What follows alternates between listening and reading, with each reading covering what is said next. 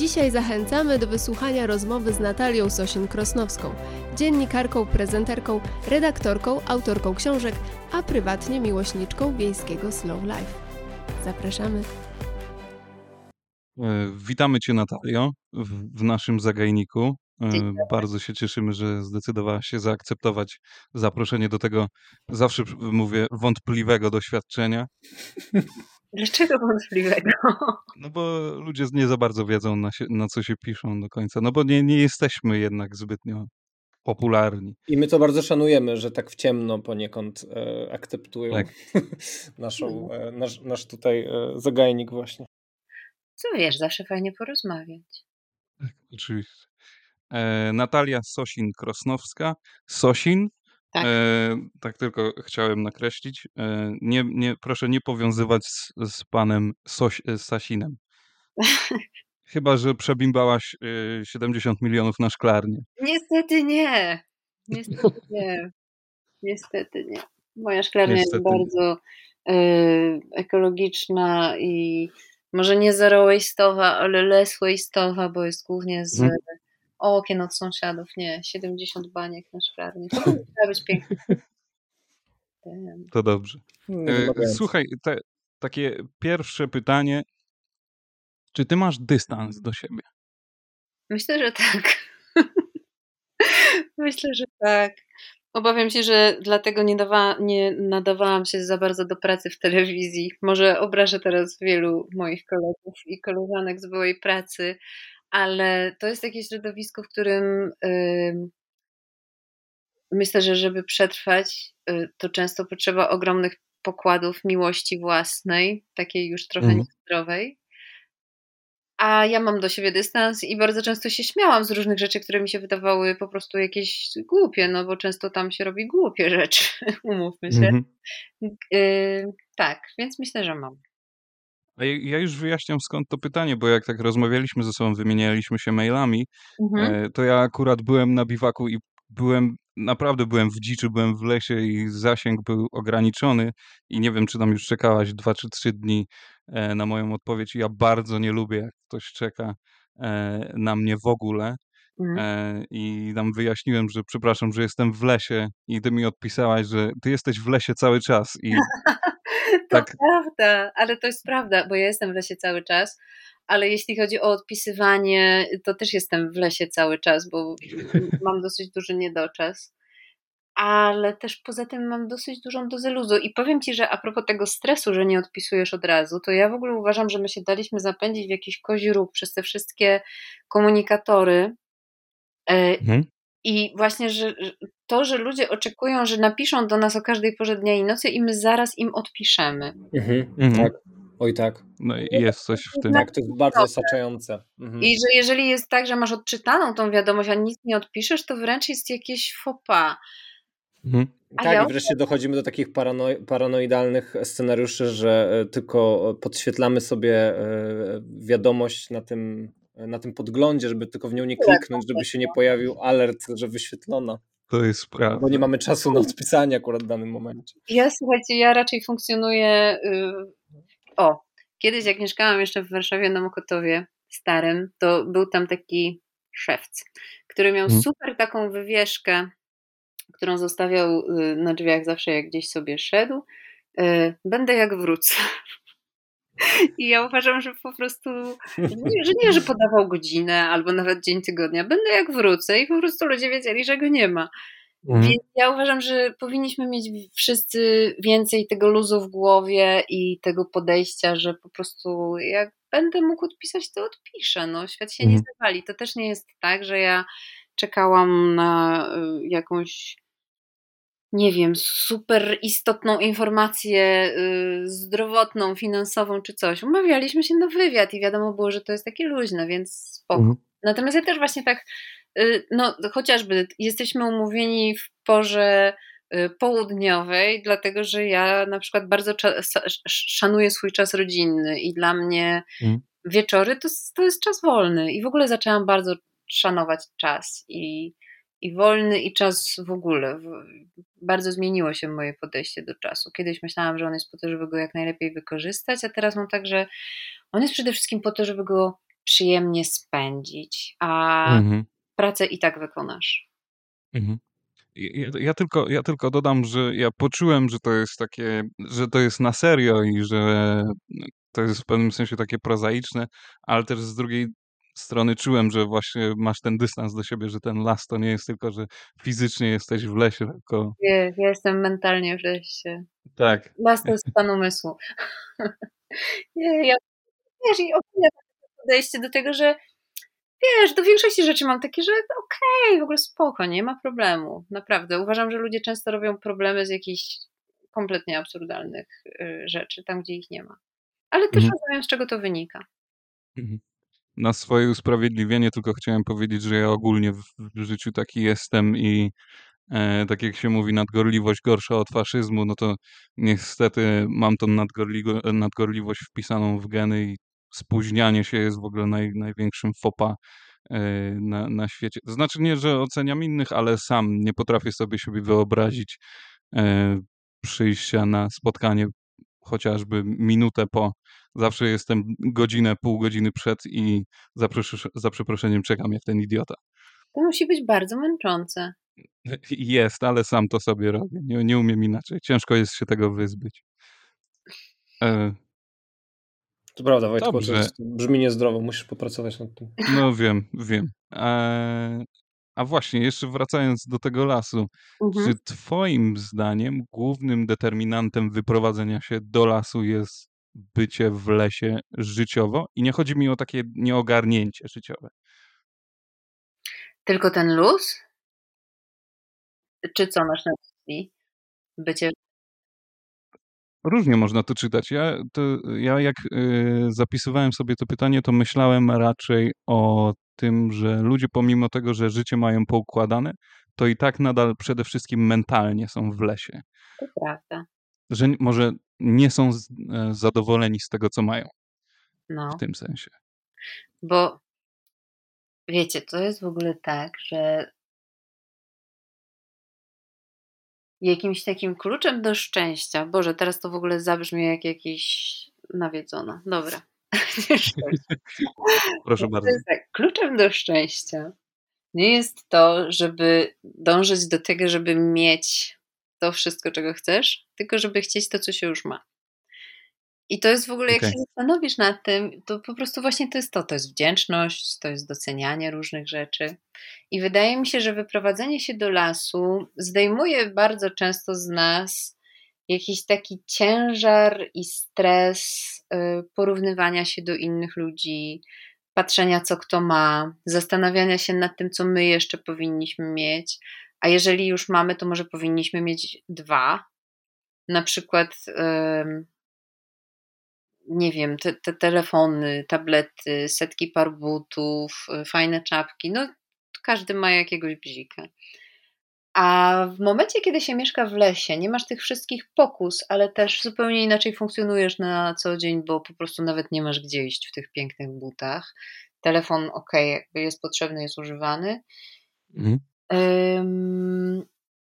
Ale generalnie po prostu nagle się okazuje, ile z Twoich niegdysiejszych potrzeb było zupełnie sztucznie wykreowanymi.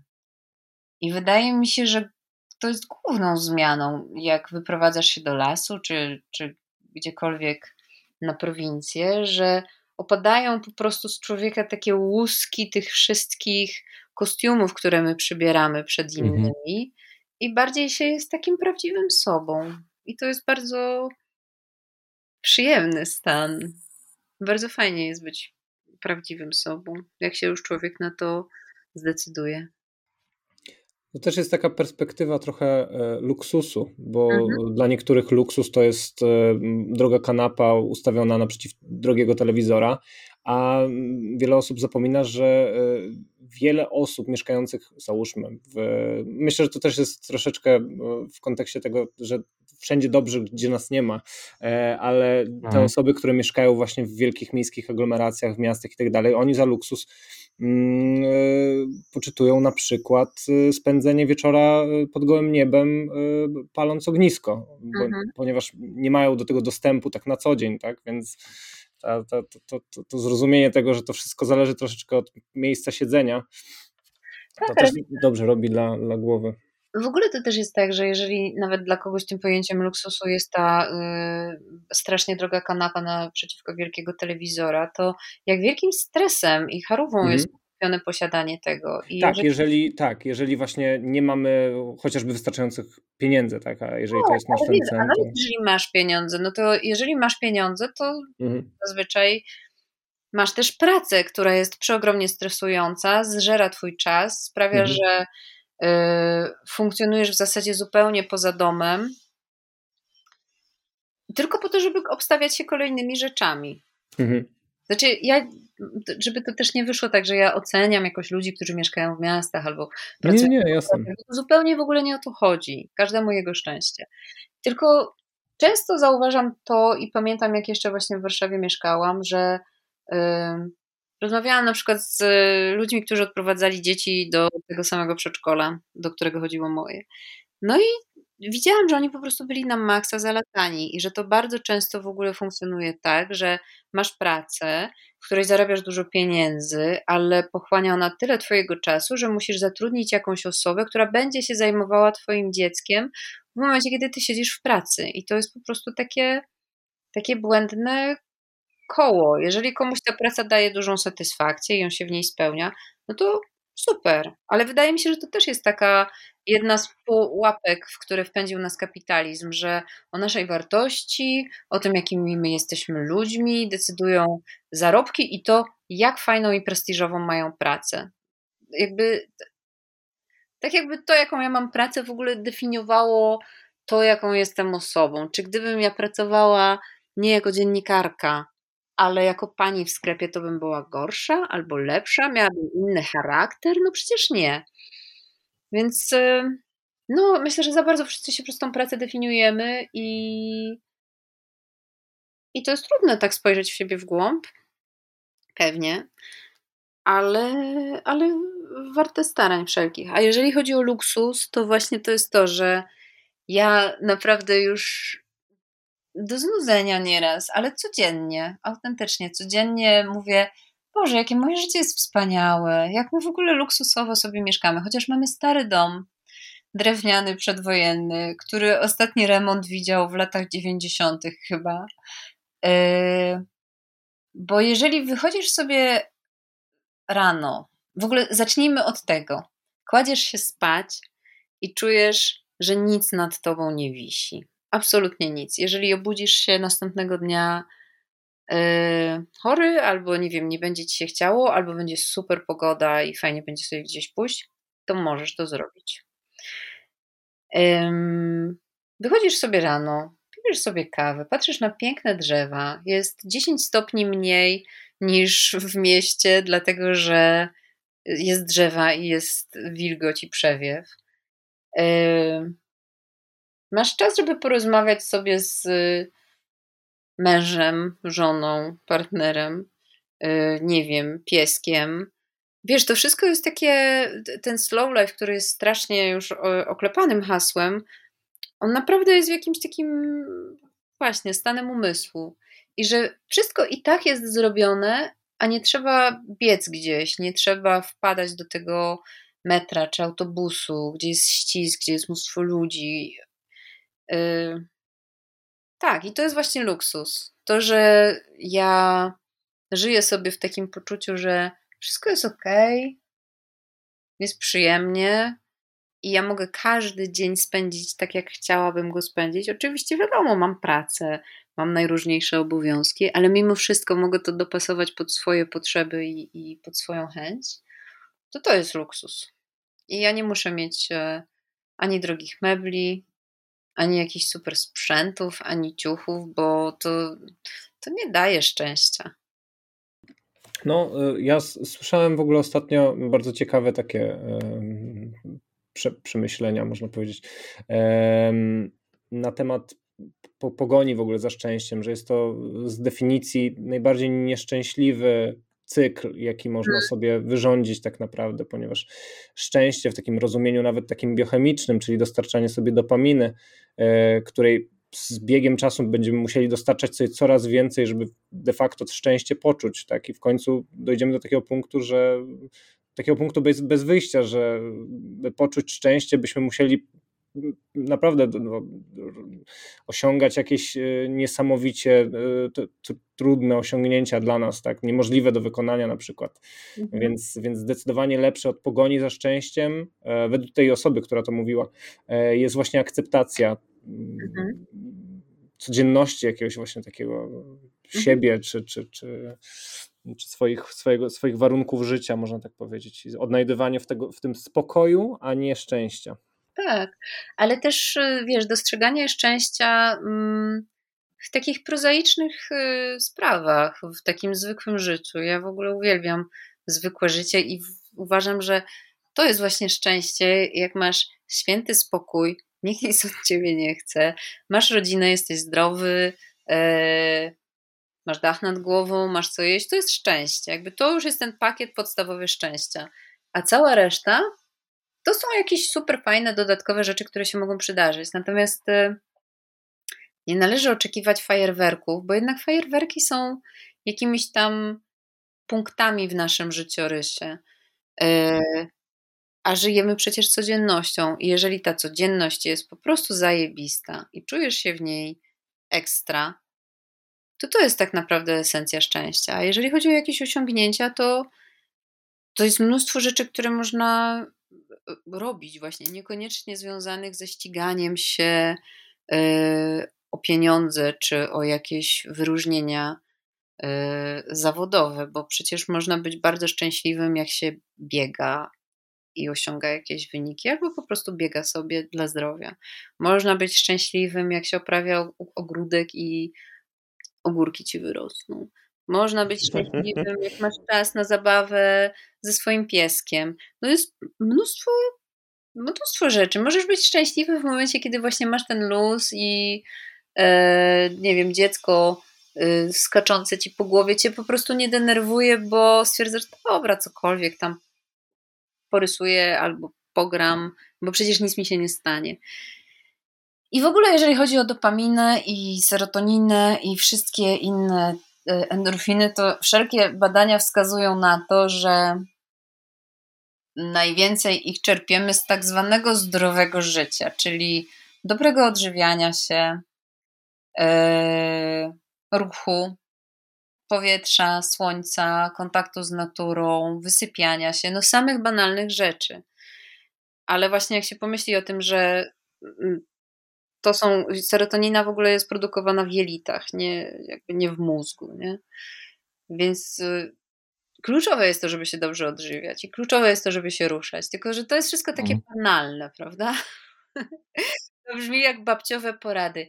Idź na spacer, zjedz banana, posiedź na słońcu i na pewno będzie ci lepiej. No, ale niestety tak to jest. W jednej z rozmów, w jednym z wywiadów powiedziałaś, że ludzie wyjeżdżający na wieś szukają wolności. Mhm. Gdzie twoim zdaniem, e, nie mówię o ludziach na wsi, tylko właśnie ludziach z tej drugiej strony, e, zaaferowanych karierą i życiem na tak zwanym speedzie, czy oni, tak jak mówi forum, źle postrzegają wolność, że wybierają bezpieczeństwo i wygodę?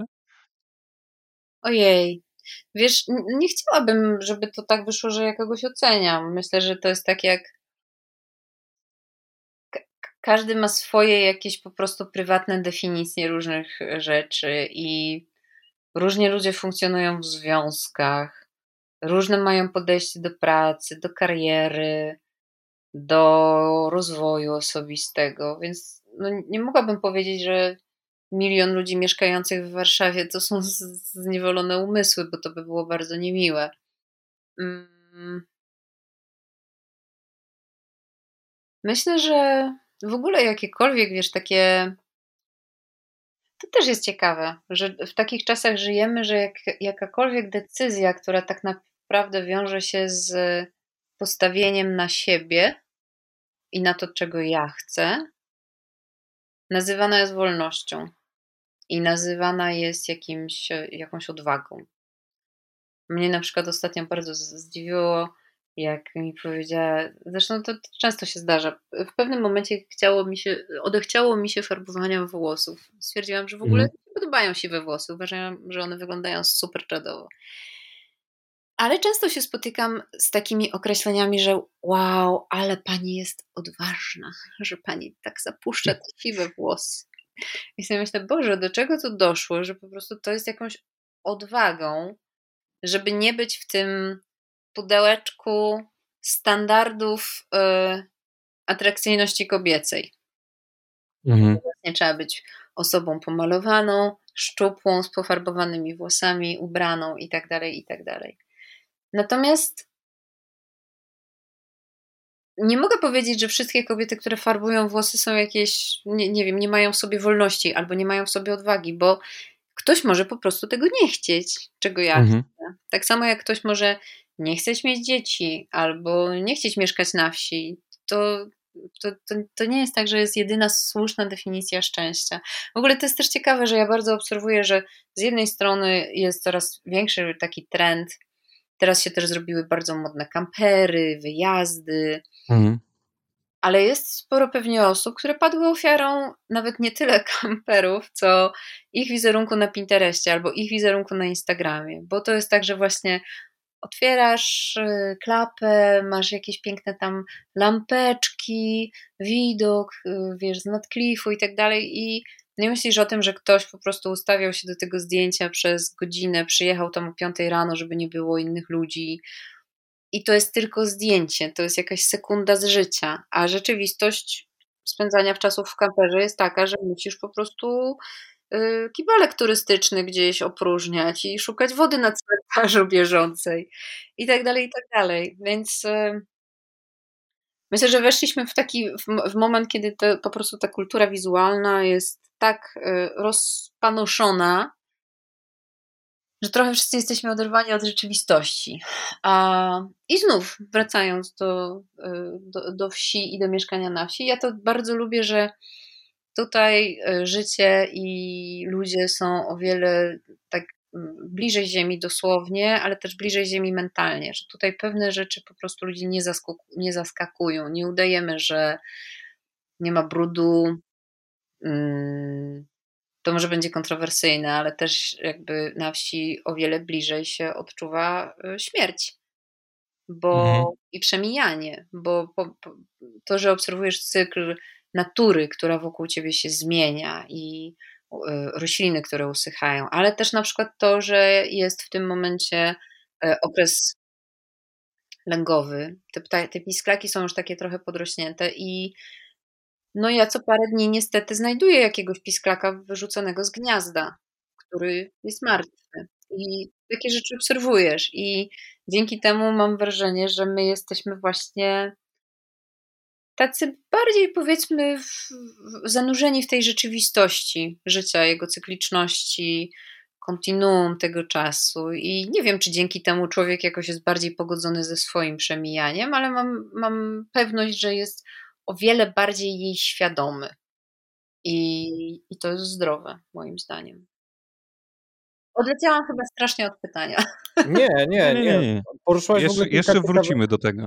Tak, ale poruszyłaś kilka ciekawych kwestii. W ogóle wydaje mi się, że w momencie e, przytoczenia tego przykładu o tych kamperach nieszczęsnych, mm. e, to tak pomyślałem sobie, że te osoby, które tak wpadły w tą pułapkę, jak to ty nazwałaś, e, to chyba nie ciągnęły ich same kampery, ale kamperowy trend, można powiedzieć, czyli tak. tutaj też to mhm. bezpieczeństwo takie wywodzące się z konformizmu mhm. poniekąd. No. E, I to samo z tymi siwymi włosami. Mówisz, że, e, że ktoś, ktoś mówi, że, że, że, że odwaga, czy, czy odwa odwagą jest odejście od tego takiego, mm, jakby to powiedzieć, no takiej wydeptanej ścieżki. E, tak, tak, ja na przykład y, siwe włosy to ja już w ogóle chciałam od kilku lat zapuszczać. No, siwe włosy są bardzo fajne. No, też tak uważam. Yy, I pamiętam jak jeszcze no bo ja w ogóle bardzo wcześnie zaczęłam siwieć. Miałam tam, nie wiem, chyba z 19 czy 20 mhm. lat. I to naprawdę jest uciążliwe, farbować się.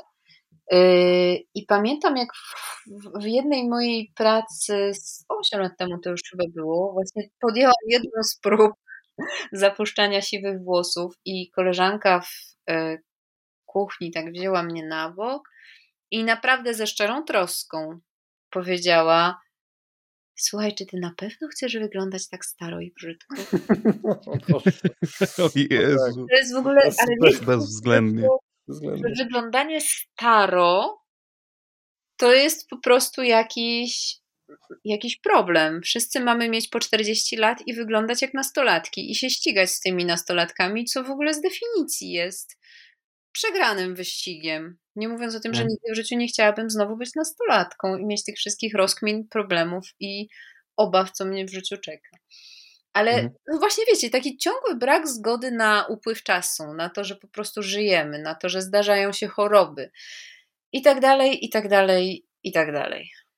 A jeszcze a propos tych kamperów, o których e, wspomnieliście, to chciałem powiedzieć, że właśnie jak rozmawialiśmy ze sobą, e, wymieniliśmy się mailami, to wynajęliśmy sobie miejsce na polu namiotowym mm. i byliśmy jedynymi osobami tam przez pierwszy dzień. Mimo tego, że mieliśmy to pole namiotowe na dłużej, to zawinęliśmy się jak tylko przyjechała para i ja nie chodzi o to, że mam problem do ludzi z dziećmi, mi dzieci przeszkadzają. Nie, nie, nie, nie, bo sam byłem z psem, wiedziałem, że jestem głośno i tak dalej, i tak dalej. Tylko chodziło o to, że przyjechała para z dwójką dzieci pod namiot i zabrali ze sobą wszystko chyba co możliwe z domu i zrobili sobie salon na tym polu namiotowym. Hmm.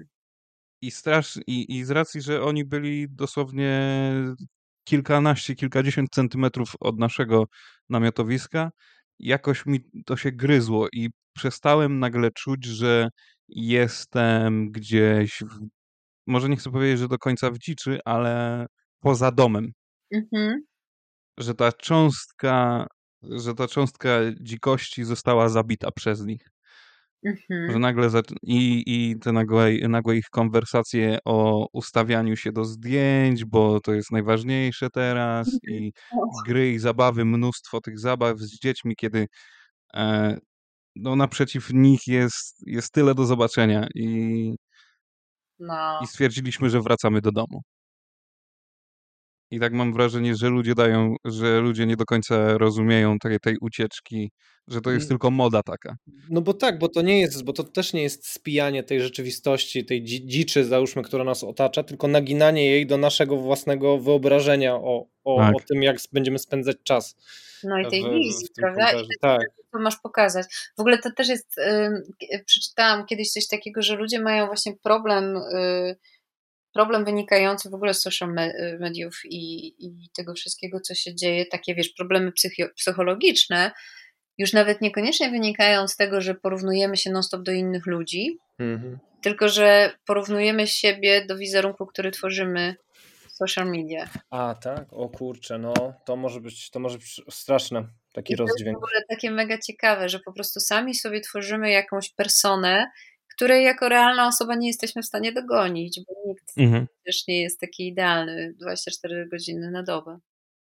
No. Mhm. I samo w ogóle takie, właśnie to jest zniewolenie i to z pełną odpowiedzialnością mówię, że jest zniewolenie.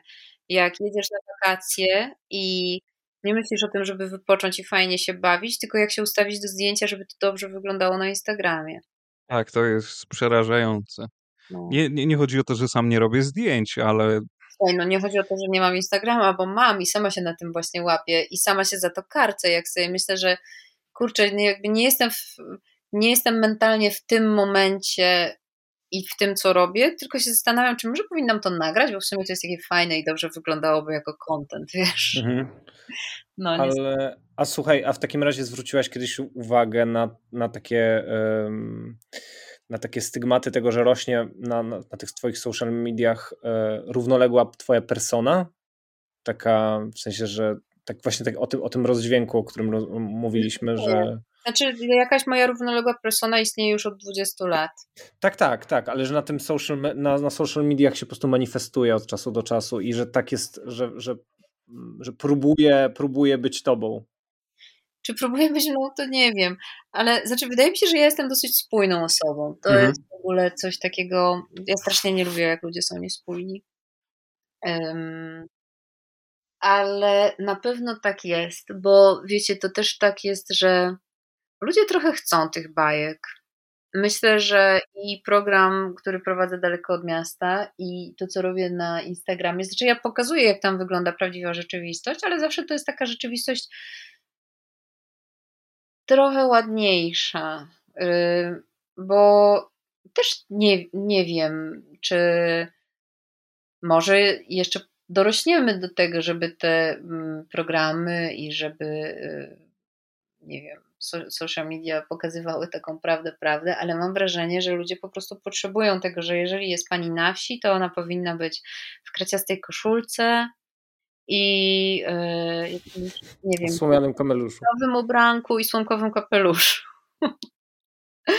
No więc ja, ja wydaje mi się, że pokazuję prawdę, aczkolwiek no nadal to jest jakiś tam maleńki wycinek prawdy i i myślę, że to też jakby to, to jest o tyle okej, okay, że tak samo jak idziemy do kogoś w gości albo nie wiem, idziemy do pracy, no to przecież nie jesteśmy brudni, rozczochrani i w y, podartych butach, tylko jednak innym ludziom pokazujemy taką swoją uładzoną wersję. Y, I tak to chyba wygląda na moim Instagramie. Znaczy, nigdy nie miałam.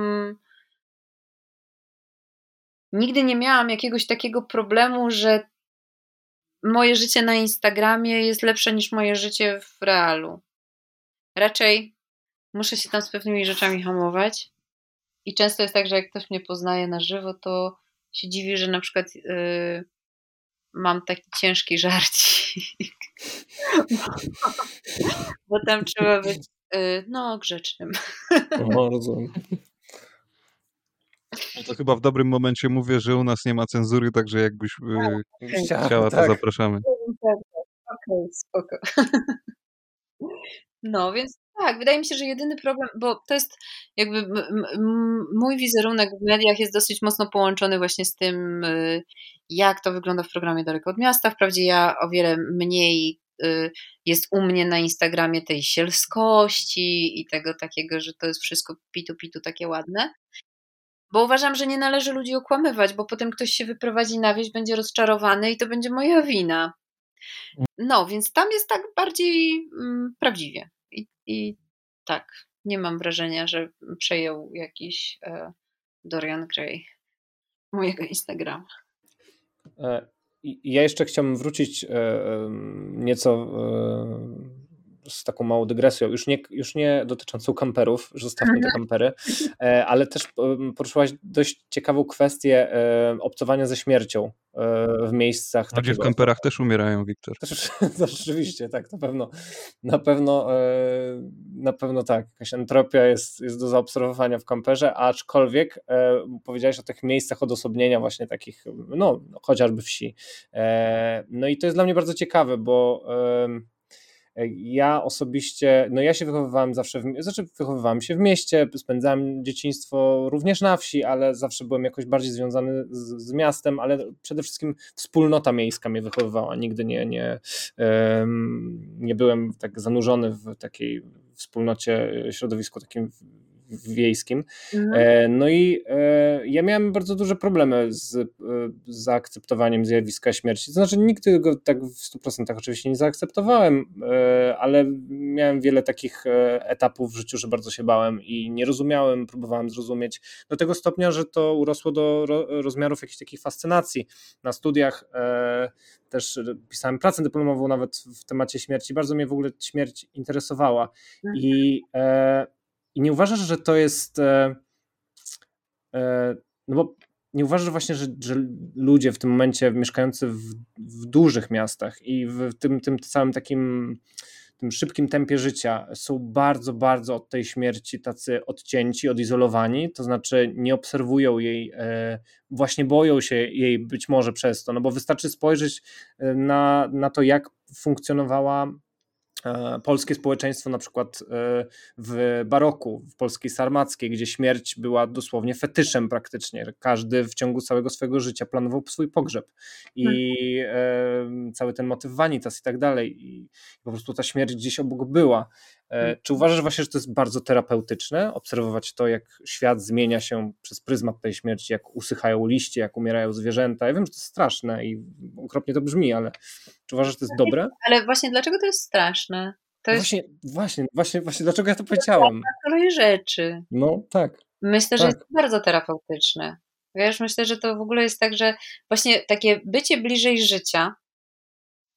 Ja ogólnie ze mną jest tak, że moi rodzice y, wyprowadzili się pod koniec lat 70., czy na początku 80. na wieś z Krakowa. Więc ja byłam takim miejskim dzieckiem wychowywanym na wsi. Y, no i też częściowo w mieście, bo miałam babcię w mieście, chodziłam do szkoły muzycznej w Krakowie, później już od, od momentu liceum chodziłam do szkoły w Krakowie. Więc zawsze byłam tak pomiędzy tymi dwoma światami, ale pamiętam, dla mnie to oczywiście na początku to były szokujące obrazki i to zawsze są szokujące obrazki. Jak widzisz gdzieś tam u sąsiadów, jak przychodzi pan z siekierką i odrąbuje głowę kogutowi. Albo jak rodzi się ciele. Nie wiem, kto miał szansę widzieć, jak rodzi się ciele. To jest dość taki no niesamowity widok i przerażający równocześnie. A, ale fascynujący, no po prostu i jak są go, jak gospodarz po prostu pomaga krowie urodzić tego cielaka i nieraz wsadza rękę aż po ramię w nią i to jest po prostu takie no niesamowite, jak y, teraz to już zupełnie inaczej wygląda na wsi niż wyglądało kiedyś, ale w latach 80. Mm, było jeszcze tak, że jak umierał ktoś, to przychodziła, przychodzili wszyscy sąsiedzi i y, było po prostu ciało mhm. położone w domu i mhm, mhm. przychodziło się do domu i dzieci też oglądały osoby martwe. Tak. Tak, tak. No, nie, niektórzy w tym momencie w ogóle nie widzą. Dopiero potem jakby na, na pogrzeb. Więc mhm. to, że, że wszystko, co żyje, musi się urodzić i będzie chorować, a potem umrze, było naturalnym elementem wiedzy człowieka od dziecka i nie mhm. było żadnym zaskoczeniem. A my w tym momencie myślę, że właśnie w dużych aglomeracjach tak y, bardzo w ogóle sterylne się wszystko stało, że chorych się oddaje do szpitala, starych się oddaje do jakiegoś zakładu. Babcie znikają. Babcie nie znikają. umierają. Często jest tak, że ludzie mieszkają daleko od swoich krewnych, więc y, więc nie ma tego kontaktu, że często jest tak, że na przykład jak, y, jak, mm, jak masz dziecko, to to jest pierwszy noworodek, którego widzisz w życiu. Bo ludzie nie żyją w takich grupach, dużych społecznościach, żeby, żeby te dzieci oglądać. Mhm. I różne rzeczy zupełnie normalne i naturalne dla ludzkiego życia nagle stały się czymś takim właśnie, nie wiem, nieestetycznym, wstydliwym, a my nie jesteśmy stworzeni do tego, żeby żyć w jakimś takim kompletnym odłączeniu od wszystkiego. Y, mój kolega w ogóle z okazji Dnia Ojca wrzucił bardzo fajny cytat z Tolkiena. Nie wiem, jak to dokładnie jest po polsku, było po angielsku, ale generalnie klub było takie, że, y, że kiedy nadejdzie zima i nadejdą srogie czasy, to y, samotny wilk zginie, ale stado zawsze przetrwa. I myślę, że to w ogóle nas dotyczy też, że, yy, że o wiele trudniej jest być tym samotnym wilkiem, a stado zawsze przetrwa. A my w tym momencie oddzielamy się wszyscy od stad, uważamy, że każdy może być taką samotną wyspą, samowystarczalną, yy, że jak będziemy zarabiać dużo tych pieniędzy, to sobie zapewnimy wszystko, a tak naprawdę rzeczy, które są takie fundamentalne w życiu, to, to pieniędzmi się nie zapewni. I tak, a jeżeli chodzi o, jeżeli chodzi o rzeczy, o to, że się jest bliżej życia i bliżej śmierci i to jest terapeutyczne, to tak, bo potem, jeżeli y, człowiekowi się coś przytrafia, to nie jest tym tak zaskoczony. i nie jest przekonany, że jest po prostu jedyną osobą na świecie, która y, choruje albo która, nie wiem, straciła kogoś. Że to wszystko jest takie normalniejsze i przez to łatwiejsze do znoszenia. Wiesz co, no tak jak, tak jak właśnie powiedziałaś, że, że ludzie są kurcze totalnie odcięci od tego i, i tak jak no właśnie... No, że jesteśmy kompletnie odklejeni od rzeczywistości. Tak. Po prostu. Tak, tak. I dlatego, dlatego powiedziałem, że to jest, że to brzmi strasznie, ale w sumie nie powinienem w ogóle tak, był, był tak powiedzieć tak naprawdę, tak, bo to nie jest straszne, tak jak powiedziałaś, tylko to po prostu jest. Ale no... Tak. Tak. No, to tak jak wiesz, z różnymi emocjami, prawda? Że my wszystko kategoryzujemy, że to jest dobre, to jest złe, radość jest dobra, złość jest niedobra, a tak naprawdę to po prostu jest wachlarz emocji ludzkich. I one mhm. są. Powiedz mi, e, jak czy masz jakieś ulubione reprezentacje wsi w przed jakby produktach kulturowych, jakichś książkach, e, filmach, e, muzyce, malarstwie może nawet? Nie. Jest coś, co ci pomagało? Nie masz w ogóle? Nie. O, proszę bardzo, to mnie zaskoczyłaś. Myślałam, że jest coś, nie, co. Słuchaj, bo to też jest tak, że ja w ogóle nie jestem w żaden sposób jakoś taką y, zagorzałą fanką wsi. Ja bardzo chciałam się, jakby ja się wychowałam na wsi. Jako nastolatka strasznie byłam niezadowolona z tego. E, I uważałam po prostu, że moi rodzice wyprowadzili się na zadupie i jak można coś takiego dziecku zrobić. Bo to jest jednak ten moment, kiedy właśnie istotniejsza jest kultura, znajomi, chodzenie do kina, spotykanie się z ludźmi, poznawanie siebie i rozwój. I uważam, że to jest bardzo ważna rzecz, o której powinni pamiętać wszyscy ludzie wyprowadzający się na wieś z dziećmi, żeby tym dzieciom nie zrobić krzywdy. Mhm, mhm. Natomiast do powrotu na wieś w pewien sposób dorosłam i uważam, że też no, mnóstwo się zmieniło. Jednak teraz, jak jest internet, można pracować zdalnie, kurier ci wszystko pod dom przywiezie, to w ogóle zupełnie inna bajka. Y, natomiast to, to nie jest tak, że właśnie ja mm, nigdy chyba nie byłam jakoś specjalnie zafascynowana takimi y, reprezentacjami wsi w kulturze, bo mm, no po prostu ją znałam na co dzień, więc nawet nie musiałam. Ale ona była, jakby miałaś jej, miałeś przesyt tego? Kiedy mieszkałaś, jak pierwotnie mieszkałaś e, na wsi, to znaczy z czym, jeżeli widziałaś jakiś, jakiś stary film, bo dużo takich starych polskich filmów było. Ja o tym myślałam, że w ogóle mhm. bardzo bym chciała obejrzeć chłopów. Mhm. I czytam chłopów jako osoba dorosła i świadoma, bo to musi być bardzo ciekawe. Mhm. podobno jest jakaś wersja teraz pokolorowana, w ogóle od, tak. odrestaurowana i ponoć jest to wspaniały film. Tak, tak, ja to nie widziałam, ale słyszałam też dużo dobrego. No, no więc właśnie, a jakby nie bez, nie bez powodu był to taki, jest to taka ważna y, pozycja. Bo pytam o te wszystkie rzeczy, bo, bo zawsze, zawsze mnie to, znaczy zawsze, zastanawia mnie w ogóle to, czy e, te reprezentacje wsi, one są korzystne dla wsi, czy nie są korzystne? To znaczy, czy zależy to od tego, na jaki grunt padają, na jakiego odbiorcę? Myślę, że e... tak. Wiesz, my czasami w ogóle jak jesteśmy na zdjęciach, to sobie tak trochę żartujemy, że to, co uprawiamy, to jest poezja pasterska. Nie wiem, czy okay. z lekcji polskiego było coś takiego, był taki trend w ogóle w we Francji. I to właśnie to było, że ci, że ci pastuszkowie i te w ogóle y, pasterki takie ze wstążkami, mhm. prostu, y, a przed nią bierze baranek, a nad nią lata motylek. I to jest to, że to jest po prostu takie, nie wiem, ma, mało jest chyba takich realnych y, odzwierciedleń y, życia na wsi, że to albo jest po prostu jakiś hardcore, konopielka, y, zagłodzone dzieci, bida i w ogóle nie wiadomo co. Albo jest właśnie sielsko, anielsko i to jest Arkadia i w ogóle nie ma żadnych problemów i, i tak dalej, i tak dalej.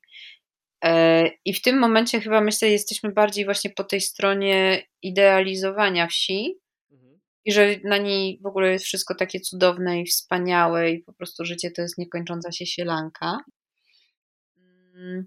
I wydaje mi się, że brak jakichś takich rzetelnych przedstawień w kulturze czy popkulturze. W ogóle tego nie, nie, jakby nie kojarzę. Jest coś takiego? No, wiesz co, to, to co mi przychodzi na myśl, to, e, to szczególnie właśnie z tego mojego, moje, mojego wiejskiego regionu, to znaczy tam, gdzie spędzałem dzieciństwo na mojej działce, e, czyli Chełmoński, malarstwo Chełmońskiego. No e, tak. On tam malował te wszystkie takie sielskie obrazki, bociany i tak dalej, i tak dalej. No. Z literatury, no to to, co mi przychodzi na myśl, to przede wszystkim Gogol, ale to też dlatego, że ja tak się marynuję w rosyjskojęzycznych literaturach. To jest właśnie Martwe Dusze, wiesz? Śmiesznie Och, jak Ci się podobają Martwe Dusze? Wspaniałe są. Wspaniałe. Wspaniałe. Niesamowite jest to, jak bardzo one są aktualne. To prawda, to prawda, tak, tak. Ale teraz jak mówisz, to też przecież cała młoda Polska, to jest w ogóle, mhm. ale to też jest właśnie chłopomania, prawda? Że mhm. nie, nie ma, mm, że to jest wszystko takie wow, wow, wow, jakie to jest cudowne, te wstążki takie kolorowe i w ogóle. tak. Tak, tak, tak, taka idealizacja. I ja myślę, że ta idealizacja w niewłaściwym środowisku się przeradza w ojkofobię. Mam taką mhm. teorię. Mhm. No może... Że po prostu, tak jak mówisz, że z tymi dziećmi, tak, że, żeby nie zrobić dzieciom krzywdy i myślę, że to wszystko się sprowadza do tego, że wszędzie dobrze, gdzie nas nie ma. Ja, ja nie wiem, ja naprawdę nie chcę tak myśleć, ale mam takie wrażenie, że gdybym się wychowywał na wsi, to ja bym tam nie chciał się przeprowadzać, a teraz mieszkam w Warszawie przez całe życie i bardzo bym chciał się przeprowadzić. A? To ja bardzo polecam. No. Myślę, że y, trzeba by było sprawdzić. To też zależy od tego, jaka to jest wieś. Naprawdę, bo jeżeli mhm. trafi się na jakąś wieś, która jest popygierowska, bardzo biedna, y, no to zupełnie inaczej to wygląda i myślę, że myślę, że faktycznie może być tak, jak, e, jak ty mówisz. No na pewno to jest tak, że jak jesteśmy młodzi, to zawsze jakoś kontestujemy tą rzeczywistość za stanu i zawsze nam się wydaje, że rodzice to mogli lepiej wybrać, e, co innego robić, że nasze życie powinno wyglądać tak, a nie inaczej. E, a z wiekiem człowiek po prostu znajduje to, co dla niego jest naprawdę, mm, naprawdę warte wartościowe. Szczerze, właśnie tak się zastanawiam, ale chyba nie znam osoby, która by się przeprowadziła na wieś i powiedziała, że to był absolutnie straszny błąd. Mhm. I to są już osoby zdecydowane takie. Tak, a naprawdę znam tych ludzi setki. Ale w ogóle też tak myślę, że przez nas bardzo często, jak w ogóle rozmyślamy na takie tematy, czy rozmawiamy, to przemawia mm, cały czas jakiś taki kompleks, bo należy pamiętać o tym, że jeszcze niedawno przyjezdni do Warszawy to były słoiki. Mhm. Wcześniej PRL-owska propaganda w ogóle stworzyła określenie wieśniak. To słowo nie mhm. istniało w języku polskim, tylko wieśniakiem y, jakby zostało sztucznie wymyślone. Chodziło o to, żeby jak najwięcej ludzi przeprowadzało się do miast i pracowało w fabrykach. I mhm. wieśniakiem nagle było czymś złym. Mhm. Um, wydaje mi się, że właśnie to jest jakiś taki kompleks, bo jeżeli ktoś wyprowadza się na przykład, nie wiem, do Portugalii, mieszka sobie we wspomnianym kamperze nad oceanem, no to wszyscy mówią, ale zajebiście. Albo wyprowadza się do Toskanii i mieszka w jakiejś wiosce w Toskanii, to wszyscy mówią, ale zajebiście. A jak się wyprowadza w Polsce, no to część mówi, ale zajebiście, a część mówi, o, ale to nie boisz się, a może zmienisz zdanie, a co z dziećmi, a co z tym, a ludzie pewnie są jacyś prości mhm.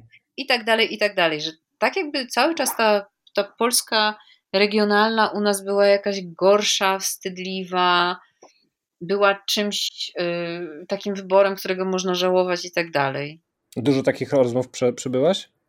No właśnie, nie masz dość tłumaczenia się z rezygnacji z miasta? Trochę mam. Trochę mam, bo ale w ogóle słuchajcie, ja to zawsze uważam, że to jest w ogóle każdy człowiek, z którym rozmawiasz, to jest jakieś twoje lustro. Czy też to, co mówi, odzwierciedla jakieś jego poglądy, czy ty jesteś lustrem dla niego. No więc jeżeli ktoś mówi o tym, słuchaj, a nie boisz się um, kleszczy, to znaczy, że tak naprawdę boi się kleszczy ta osoba. I w ogóle to jest ciekawe z kleszczami i ze wszystkim innym. W sensie zawsze sobie myślę, Jezu, jakby nie, no wielu rzeczy w życiu się boję, ale kleszcze akurat nie są jedną z nich. Mm, ale no tak, że to wszystko jest jakieś takie zupełnie znów oderwane od rzeczywistości, ale trochę mam, bo w ogóle zawsze takie tłumaczenie się ze swoich jakichś wyborów to, to jest takie dziwne, nie? To jest tak jakby mhm.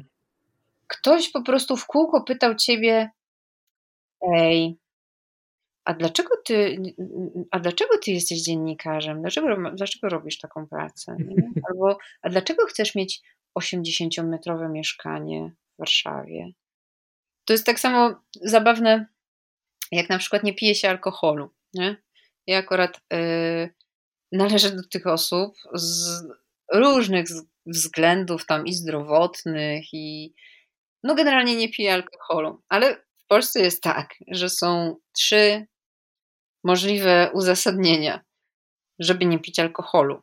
Antybiotyki, ciąża i to, że miałeś problem z piciem alkoholu. Mhm. I już nie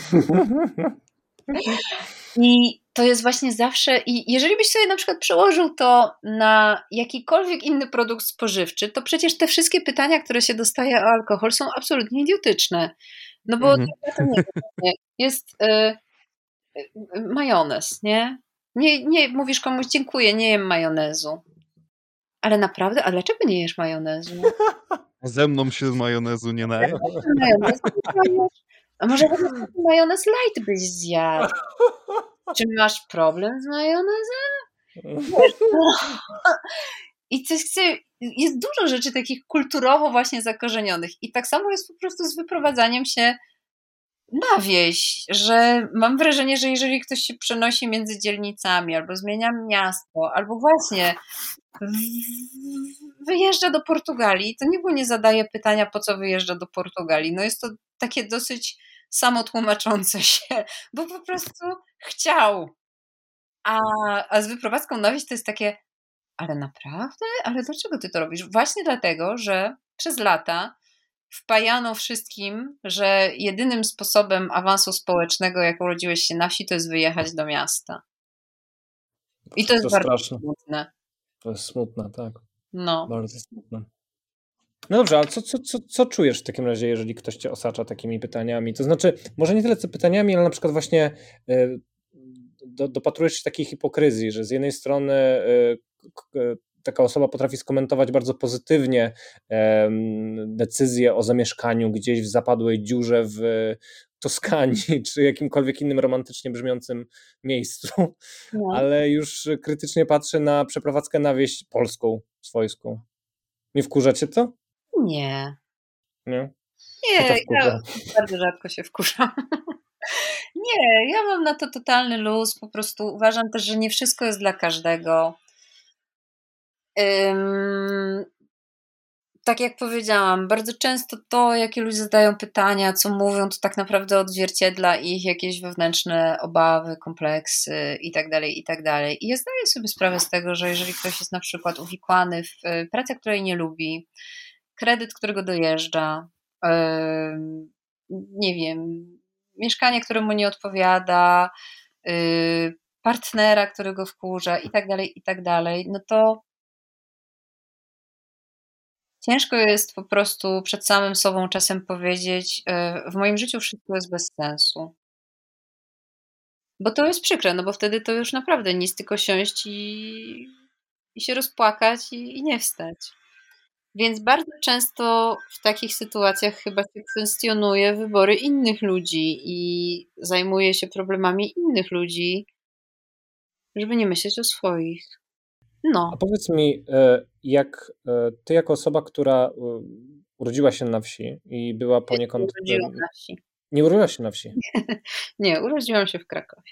Ach, w Krakowie, okej, okay, tak, ale... Takie, że ja tu mm, na tej wsi w ogóle nie mam żadnej rodziny, nie mam mhm. nikogo, który mi pokazał, jak się żyje na wsi, no. Okej, okay, ale, to, ale rozumiem, że dzieciństwo tam spędziłaś tak. poniekąd, tak? Tak, tak. E, ale to spędziłaś dzieciństwo w sensie w takim kontekście wakacyjnym ujęciu, czy jak? jak, nie, nie, myśmy mieszkali cały czas. A, mieszkaliście, okej. Okay. Teraz mieszkam. I rozumiem, że czułaś się na nią poniekąd skazana. No. Wtedy. No tak. To jak... W dzieciństwie nie, ale potem jak mhm. byłam w, na etapie nastoletnim, tak. To jak to podejście do wsi, w sensie to, to twoja recepcja tej wsi się zmieniła przez te lata? W sensie jak ją postrzegałaś kiedyś, a jak ją postrzegałaś później mieszkając już te 16 lat e, w, w Warszawie? A, wiesz co, to, no, to tak jest właśnie, że jak się jest nastolatkiem i chcesz się głównie spotykać ze znajomymi i robić fajne rzeczy i być do późna poza domem, mhm. no to na wsi nie bardzo jest co robić. I szczególnie jeżeli właśnie nie jakby, no, nie jesteś ze wsi i nie do końca należysz do tej społeczności wiejskiej. Mhm. Bo to jest tak, że wiesz, no, na wsi dzieciaki wiejskie spotykają się gdzieś tam, nie wiem, chodzą sobie na dyskoteki i tak dalej, tylko że to nie był mój świat. Yy, no więc wtedy trochę się czułam na nią skazana, ale dosyć szybko po prostu się wyprowadziłam do Krakowa i, i w ten sposób ten problem został rozwiązany. To też były inne czasy. Jednego dojeżdżającego tutaj PKS-u raz na godzinę, wiesz. Mhm. Potem wyprowadziłam się do Krakowa. Mieszkałam sobie w Krakowie, było fajnie, fajnie. Potem przeprowadziłam się do Warszawy. I w tej Warszawie po raz pierwszy na, chyba jakoś tak na samym początku pamiętam takie dojmujące uczucie bardziej, bo to chyba nawet nie wiem, to nie była taka refleksja, że och, czym się różni życie na wsi od życia w mieście, tylko takie uczucie we mnie, takie na poziomie biologicznym, że to jest dziwne mieszkać w miejscu, gdzie nie możesz wzroku rozpędzić, gdzie w ogóle nie widać horyzontu. Mhm. E, tylko wszędzie właśnie ściany, ściany, ściany, ściany, ściany, że to jest jakieś takie niezdrowe i męczące. Mhm. I no i potem żyłam w mieście. Jak wszyscy wpadłam w pracę, zarabianie, karierę, to, że trzeba różne rzeczy robić, że trzeba różne rzeczy kupować i że po prostu tak wygląda dorosłe życie, że zapierdalasz, wracasz zmęczony, idziesz spać, wstajesz rano i od nowa mhm. zapierdalasz. I tak naprawdę te pieniądze, które zarobisz, są po to, żeby je wydać na różne rzeczy, które musisz mieć, albo poprawiają ci humor w e, tej rzeczywistości, w której funkcjonujesz. Mhm. Oczywiście przy tym było, żeby nie demonizować, było w ogóle super, cudownie i wspaniale. Wszystkich moich y, przyjaciół takiego dorosłego życia poznałam w Warszawie. Świetne imprezy, w ogóle te wszystkie możliwości, które miasto daje w momencie, kiedy jesteś młodym człowiekiem, wychodzenie do galerii, wychodzenie do teatru, wychodzenie do kina, jakby to jest w Warszawie, czy też w dużym mieście dla mnie było w Warszawie. No a potem Y, wraz z upływem czasu i narastaniem zmęczenia i też zmianą, jaka się dokonała w mediach, bo myślę, że to w ogóle wszystko było takie połączone. Jak ja e, zaczynałam pracować, to naprawdę miałam jeszcze takie, takie silne uczucie i przekonanie, że to jest jakaś taka misja. Zawód dziennikarza jest zawodem misyjnym, naprawdę. I większość ludzi myślę, że też miało do tego takie podejście.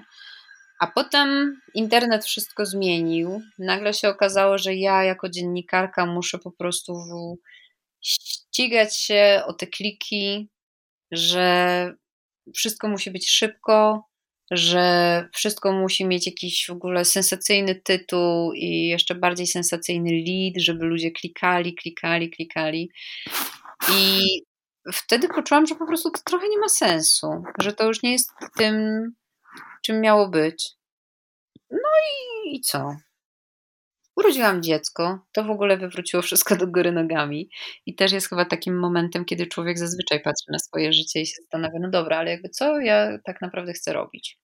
Szczególnie jak się jest kobietą i przez rok czasu i tak się siedzi w domu z tym dzieciakiem, no to ma się dużo czasu na myślenie i to jest Y, nieuchronne, że się to robi. I w ogóle to jest ciekawe, bo bardzo dużo dziewczyn właśnie wtedy wymyśla sobie jakieś własne biznesy, jakby ma ten moment takiego oddechu, kiedy może stwierdzić, dobra, ja chyba już nie chcę wracać do tego kieratu, to nie jest takie znowu fajne.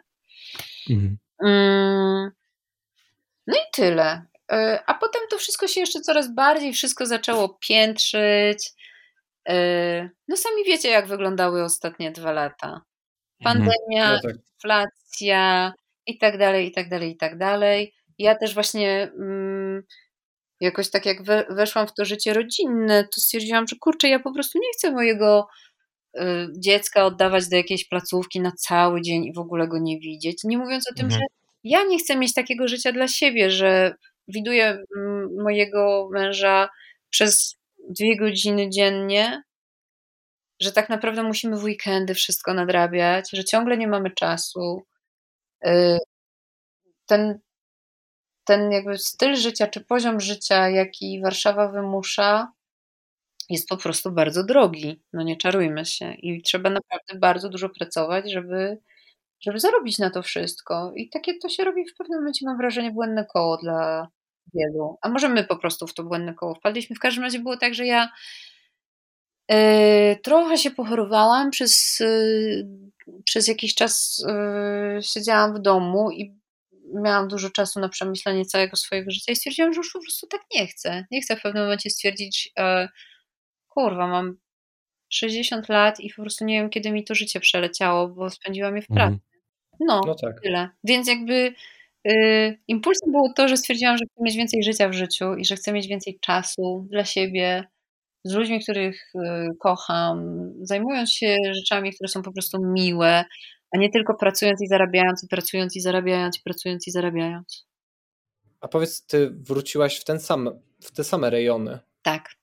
Nawet do tego samego domu. No właśnie. I czy dam pewien kontekst jeszcze tego pytania, bo e, ja e, jeżdżąc na tą, na tą moją działkę, co kiedyś przezywałem ją wsią po prostu, że zawsze z rodzicami mówimy, no jedziemy na wieś, no bo wtedy to była jeszcze wieś no. w moim dzieciństwie, gdzie rolnicy dosłownie pędzili stada krów przed, przed, przez uliczkę, mhm. przy, którym, przy której stał mój dom. E, były tam rozległe pola, tereny podmokłe. Wszędzie można było kupić jajka, mleko świeże, zrobić sobie zsiadłe mleko, kupić słomę i tak dalej. Mhm. I e, teraz, jak nadchodzi ten moment, że mam, mam zamiar sobie pojechać na tą działkę, no to zawsze jestem tak, wyglądam z utęsknieniem, z, e, z niecierpliwością i zawsze się spotykam z takim takim rozczarowaniem, jakimś takim smutkiem, że, że to strasznie się pozmieniało i no. e, przez to, że jednak to jest dosyć blisko Warszawy, no przez to, że się po prostu poprawiła komunikacja, to dojazd w tamte, w tamto miejsce jest po prostu łatwy, tak? Tam nadal są lasy, tam nadal są pola, ale bardzo się zurbanizowała ta okolica i zastanawiam się, czy, czy, czy ty też, tobie też się kraje serce, jak tam wróciłaś? Trochę tak. Trochę tak. W miejscu, w którym ja mieszkam, u nas dochodzi taka droga kamienista do naszego domu. Kiedyś, jak szłam tą drogą, to szłam pomiędzy łanami zboża. W tym momencie, tam gdzie było pole, jest sześć domów, bo po prostu ludzie odeszli od rolnictwa takiego w małej skali, to jest w ogóle bardzo złe i bardzo niebezpieczne, że są te wielkoformatowe uprawy, hodowle, yy, tylko duzi rolnicy i jacyś tam mali ekologiczni, którzy walczą o przetrwanie. Natomiast yy, no, wieś w dużej mierze przestała zajmować się rolnictwem. I ja się wcale nie dziwię, bo jak rozmawiałam z moim sąsiadem, y, który kiedyś miał szklarnię, a teraz już ich nie ma, no on dostawał za worek, nie kilogram, worek ogórków w skupie 80 groszy. No to nie dziwię się, że mu się nie chce i że bardziej mu się opłaca zajmować po prostu e, utrzymaniem ogrodów ludzi z miasta, którzy przeprowadzili się na wieś i chcą mieć wszystko ładnie przestrzeżone. E, I oczywiście, że serce mi się kraje, ale z drugiej strony właśnie wydaje mi się, że to jest też jakieś takie kolejne oblicze tej idealizacji wsi i trochę jej upłupiania, mhm. bo mm, często właśnie są takie, takie rozmowy, że och, przeprowadziłem się na wieś y, i myślałem, że to właśnie tak będzie, że tutaj jedna sąsiadka będzie miała kurki, druga sąsiadka będzie miała krowę, a trzecia sąsiadka będzie miała coś tam. I my, hmm. świadomie bądź nie, oczekujemy, że ludzie na wsi mają obowiązek nie chcieć żyć wygodniej, tylko mieć te krowy i mieć te kurki, dla naszego komfortu posiadania ekologicznej żywności. Albo mieszkania w skansenie. Albo mieszkania w skansenie. Yy, I to jest po prostu no, takie też oblicze globalizacji, że w tym momencie można już po prostu na dobrą sprawę wszędzie wszystko mieć i nie można oczekiwać od ludzi mieszkających na wsi, że oni będą żyli tak jak 100 lat temu, tylko dlatego, że my uważamy, że to jest lepsze, albo dlatego, że dla nas by było wygodne. Jedyne, co możemy zrobić, no to po prostu we własnym zakresie mieć ten ogród, mieć te kury, jeżeli tak nam na nich zależy. I, i zobaczyć, czy my chcemy tak, tak żyć. Bo ostatnio nawet, ja akurat mam ogród warzywny, zbierałam groszek, no i wiecie, groszek, wysiany, jakby ja tam nie zajmuję się nim specjalnie, bo uważam, że to na tym polega też uprawa ekologiczna, że po prostu co ma żyć, to żyć będzie. Ale wyrósł sobie ten groszek, bardzo pięknie pozbierałam cały, łuskałam tam ze dwie godziny, no i miałam miskę groszku. I pomyślałam sobie, że właśnie to ze wszystkim tak jest, że przez to, że znowu jesteśmy oderwani od rzeczywistości, tego jak wygląda ten cykl życia i ile to wszystko wymaga pracy, no to potem często ludzie są wielce zadziwieni, dlaczego żywność ekologiczna jest taka droga na przykład.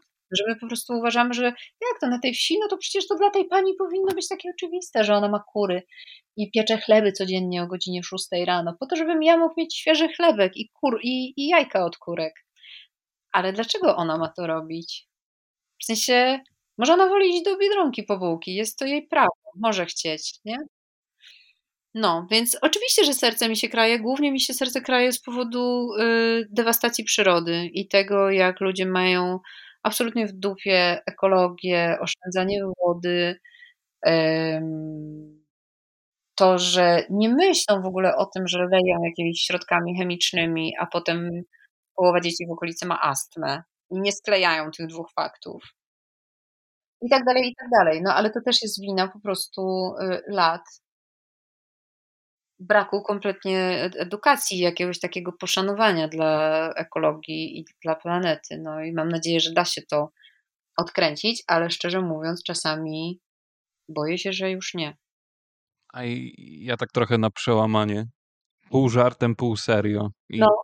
zdaję sobie sprawę, że ty nie aspirujesz, ale dużo ci brakuje do mamy Muminka? Skąd wiesz, że nie aspiruję? Może aspiruję. A, jednak. Czy mi dużo brakuje do mamy Muminka? Nie, no myślę, że tak, że mama Muminka to jednak była taka już bardzo osiadła, wychillowana, robiła tam sobie jakieś rzeczy. Ja jednak cały czas mam w sobie tą energię, żeby różnymi rzeczami takimi się zajmować, jednak ruszam się stąd. Cały czas pracuję i i tak, i chyba jeszcze do mamy Muminka to daleko. Nadal uważam, że jest to jakiś taki super fajny wzór. I mhm. coś, do czego należy dążyć, będąc mamą kogokolwiek. Bo to w sumie znów, Jezu, ja mam wrażenie, że teraz to my wszyscy po prostu już jesteśmy w jakichś takich pułapkach, że Boże, żeby ktoś nie poczuł się urażony tym, co powiem, mhm. ale ja akurat mam takie podejście, że jeżeli. Mm, no, że jeżeli ma się dzieci, to powinno się tymi dziećmi zajmować, no w największym skrócie. Więc y, mama Muminka jest akurat spoko. Oczywiście mi to też jest tak, że ja znów zdaję sobie sprawę z tego, jak wielki ja mam luksus. Po prostu. Jakby mam dom na wsi, w którym mogłam zamieszkać. Mam pracę przede wszystkim, która pozwala mi na tego typu zmianę. I ja sobie mogę mówić o tym, że nie, no to jest takie fajne, że układam sobie wszystko pod siebie i mam czas dla dziecka i, i tak dalej, i tak dalej, ale zdaję sobie sprawę z tego, że wiele ludzi tego luksusu nie ma i nie chciałabym, żeby oni poczuli się w jakikolwiek sposób przeze mnie oceniani. Mhm. Y, natomiast y, powiem, y, że takie w cudzysłowie bycie mamą muminka, to jest w ogóle bardzo, myślę, wyzwalające. Że mhm. jeżeli człowiek właśnie nastawi się na to, że jego zajęciem w życiu i celem jest zajmowanie się domem, sprawianie, żeby inni byli szczęśliwi, co jest samo w sobie przecież fajne i przyjemne, yy, to jest w tym bardzo dużo satysfakcji. Tylko, że to oczywiście jest kwestia tego, żeby tego chcieć, prawda? Jeżeli ktoś sobie chce robić karierę i dla niego to jest w ogóle ważne i wartościowe, to to jest super. Natomiast ja myślę, że do tego no pewnie chyba do tego dążę, żeby właśnie zajmować się rodziną, mieć czas na czytanie książek, robić sobie miłe rzeczy. Jak mam ochotę w środku dnia zrobić sobie drzemkę, to sobie zrobić tą drzemkę. To jest w ogóle bardzo przyjemne życie. Wszyscy powinniśmy chcieć być mamą Muminka. Wiesz co, ja, ja, ja też pytam, nie, y, raz, że zauważyłem książkę o mamie Muminka u ciebie w biblioteczce, masz, jed, masz kilka zdjęć biblioteczkowych u siebie na Instagramie, a dwa, my tutaj z Gosią prowadzimy serię, która się nazywa Głowy do wycierania Aha. i takim stałym segmentem jest e, omawianie odcinków e, Muminków zwyczajnie i mama Muminka jest jedyną postacią, która nigdy nie rozczarowuje, gdzie ta sympatia do niej tylko rośnie. No, no ona jest taką mamą, którą po prostu każdy chciałby mieć, a niekoniecznie każda mama by chciała być taką mamą, bo ona... Ale w ogóle to jest też ciekawe, akurat książka, o której wspomniałeś, ta Mama Muminka, to jest biografia Tove Jansson. To jest o tyle ciekawe, że te wszystkie muminki, jak się pomyśli o tym, że to jest w ogóle przepracowanie jakichś straszliwych traum wojennych, mhm. to jest bardzo ciekawe zjawisko. I to w ogóle, że Dolina Muminków jest taką właśnie wiejską Arkadią, do której się autorka i, i czytelnicy uciekają w momencie, kiedy na całym świecie jest strasznie i źle, a tam jest właśnie ta mama, która piecze bułeczki, y, ekscentryczny tatuś i dzieciaki, które mają przygody. To jest właśnie taka mhm. Niderlandia trochę, co? No, troszkę tak. Kolejna rzecz. Tak. Bo ty powiedziałaś, że ta umiejętność słuchania to to jest coś naturalnego, to jest coś, z czym ty się urodziłaś, a wieś to tylko uwydatniła? Czy dzięki wsi może też zdałaś sobie sprawę z tej umiejętności, z tej cechy? Umiejętności słuchania ludzi? Mhm. Nie, ja myślę, że to chyba jest coś takiego, z, z czym się człowiek rodzi. Są tacy, którzy bardzo lubią opowiadać o sobie, a są tacy, którym lepiej wychodzi słuchanie. Ja w ogóle uważam, że teraz jest, nie wiem, czy zwróciliście na to uwagę, bardzo takim modnym tematem jest y, bycie wysoko wrażliwym. Mhm, tak. I ta wysoka wrażliwość to jest w ogóle coś takiego na topie teraz. Y, no nie wydaje mi się, żeby to było akurat odkrycie ostatnich lat. Wydaje mi się, że wszyscy ludzie, którzy są artystami, twórcami, y, są wysoko wrażliwi. Po prostu to jest z definicji taka cecha osoby, która no widzi trochę więcej i odczuwa trochę mocniej. I ja mam wrażenie, że po prostu ja jestem osobą wrażliwą. To, że się wychowywałam na wsi, y, na pewno te cechy jakoś tam spotęgowało albo sprzyjało jej rozwojowi. No bo właśnie, jak człowiek jest taki zanurzony w tej rzeczywistości i też jako dziecko ma bardzo dużo takiego czasu zupełnie wolnego, bez innych dzieci. Bo ja byłam takim dzieckiem, które po prostu zupełnie było, no nie chcę powiedzieć samopas, ale, ale miałam bardzo dużo wolności. Nikt tam specjalnie nie wnikał, co ja sobie robię. Mhm. I to było super. To wydaje mi się, że to właśnie jakoś tak rozwinęło, jak się jednak żyje w naturze, obserwuje wszystkie zwierzęta, rośliny z bliska, to po prostu człowiek bardzo mocno rozwija percepcję. Jak masz też dużo czasu i, i, i czytasz dużo książek, to po prostu te światy jakoś tam się nabudowują. I wydaje mi się, że to chyba jakoś tak właśnie było, że ja dzięki temu yy, nauczyłam się obserwować i słuchać ludzi. I to jest w ogóle mhm. taki, to jest super. Jeżeli jakby w pracy dziennikarza, to jest bezcenne. Bo, ale równie dobrze w pracy, nie wiem, policjanta śledczego pewnie też, że po prostu człowiek jakimś takim szóstym zmysłem dostrzega różne rzeczy. Y, jak rozmawia, jak przeprowadza wywiad, zadajesz pytanie i po prostu widzisz, że ono gdzieś trafiło. Wiesz, który temat. Do, wiecie o co chodzi. To jest szósty zmysł. Tak, tak, tak. Wiesz, jaki temat drążyć. Więc myślę, że wy też jesteście wysoko wrażliwi i każdy człowiek, który wykonuje ten zawód dobrze, jest jakoś tam wysoko wrażliwy bo trzeba być osobą wrażliwą, żeby, żeby mieć właśnie tą percepcję tego, co ludzie mówią pozawerbalnie. Mhm. Y, I myślę, że właśnie w ogóle człowiek jakoś tak jak jest w naturze, to mu się bardzo wyostrzają zmysły. Y, co też jest ciekawe, bo przecież my mamy tych zmysłów pięć, a mm, bardzo często jak w środowisku miejskim żyjemy, to nagle to jest wszystko zredukowane do wzroku i słuchu.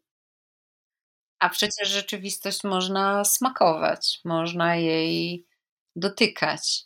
To wszystko jest takie, że, że te wrażenia zmysłowe są bardzo różnorodne, y, kiedy mieszkasz na wsi, bo tych dźwięków jest mnóstwo. To nie jest tak, że tutaj jest zawsze cisza. Tylko one są wszystkie jakieś takie naturalne i dostrojone do naszych fal mózgowych. Nie są agresywne, nie są takie jak hałas karetki. No i właśnie też, też mam rzeczywistość, że wszystkie, ja przynajmniej tak mam, że jak wychodzę, to, to dotykam roślin, dotykam mhm. ziemi, czuję zapachy. Yy, możesz coś sobie, nie wiem, zerwać prosto z krzaka, spróbować, albo tam nadgryźć jakąś trawę, żeby się upewnić, czy to mięta, czy to chwast.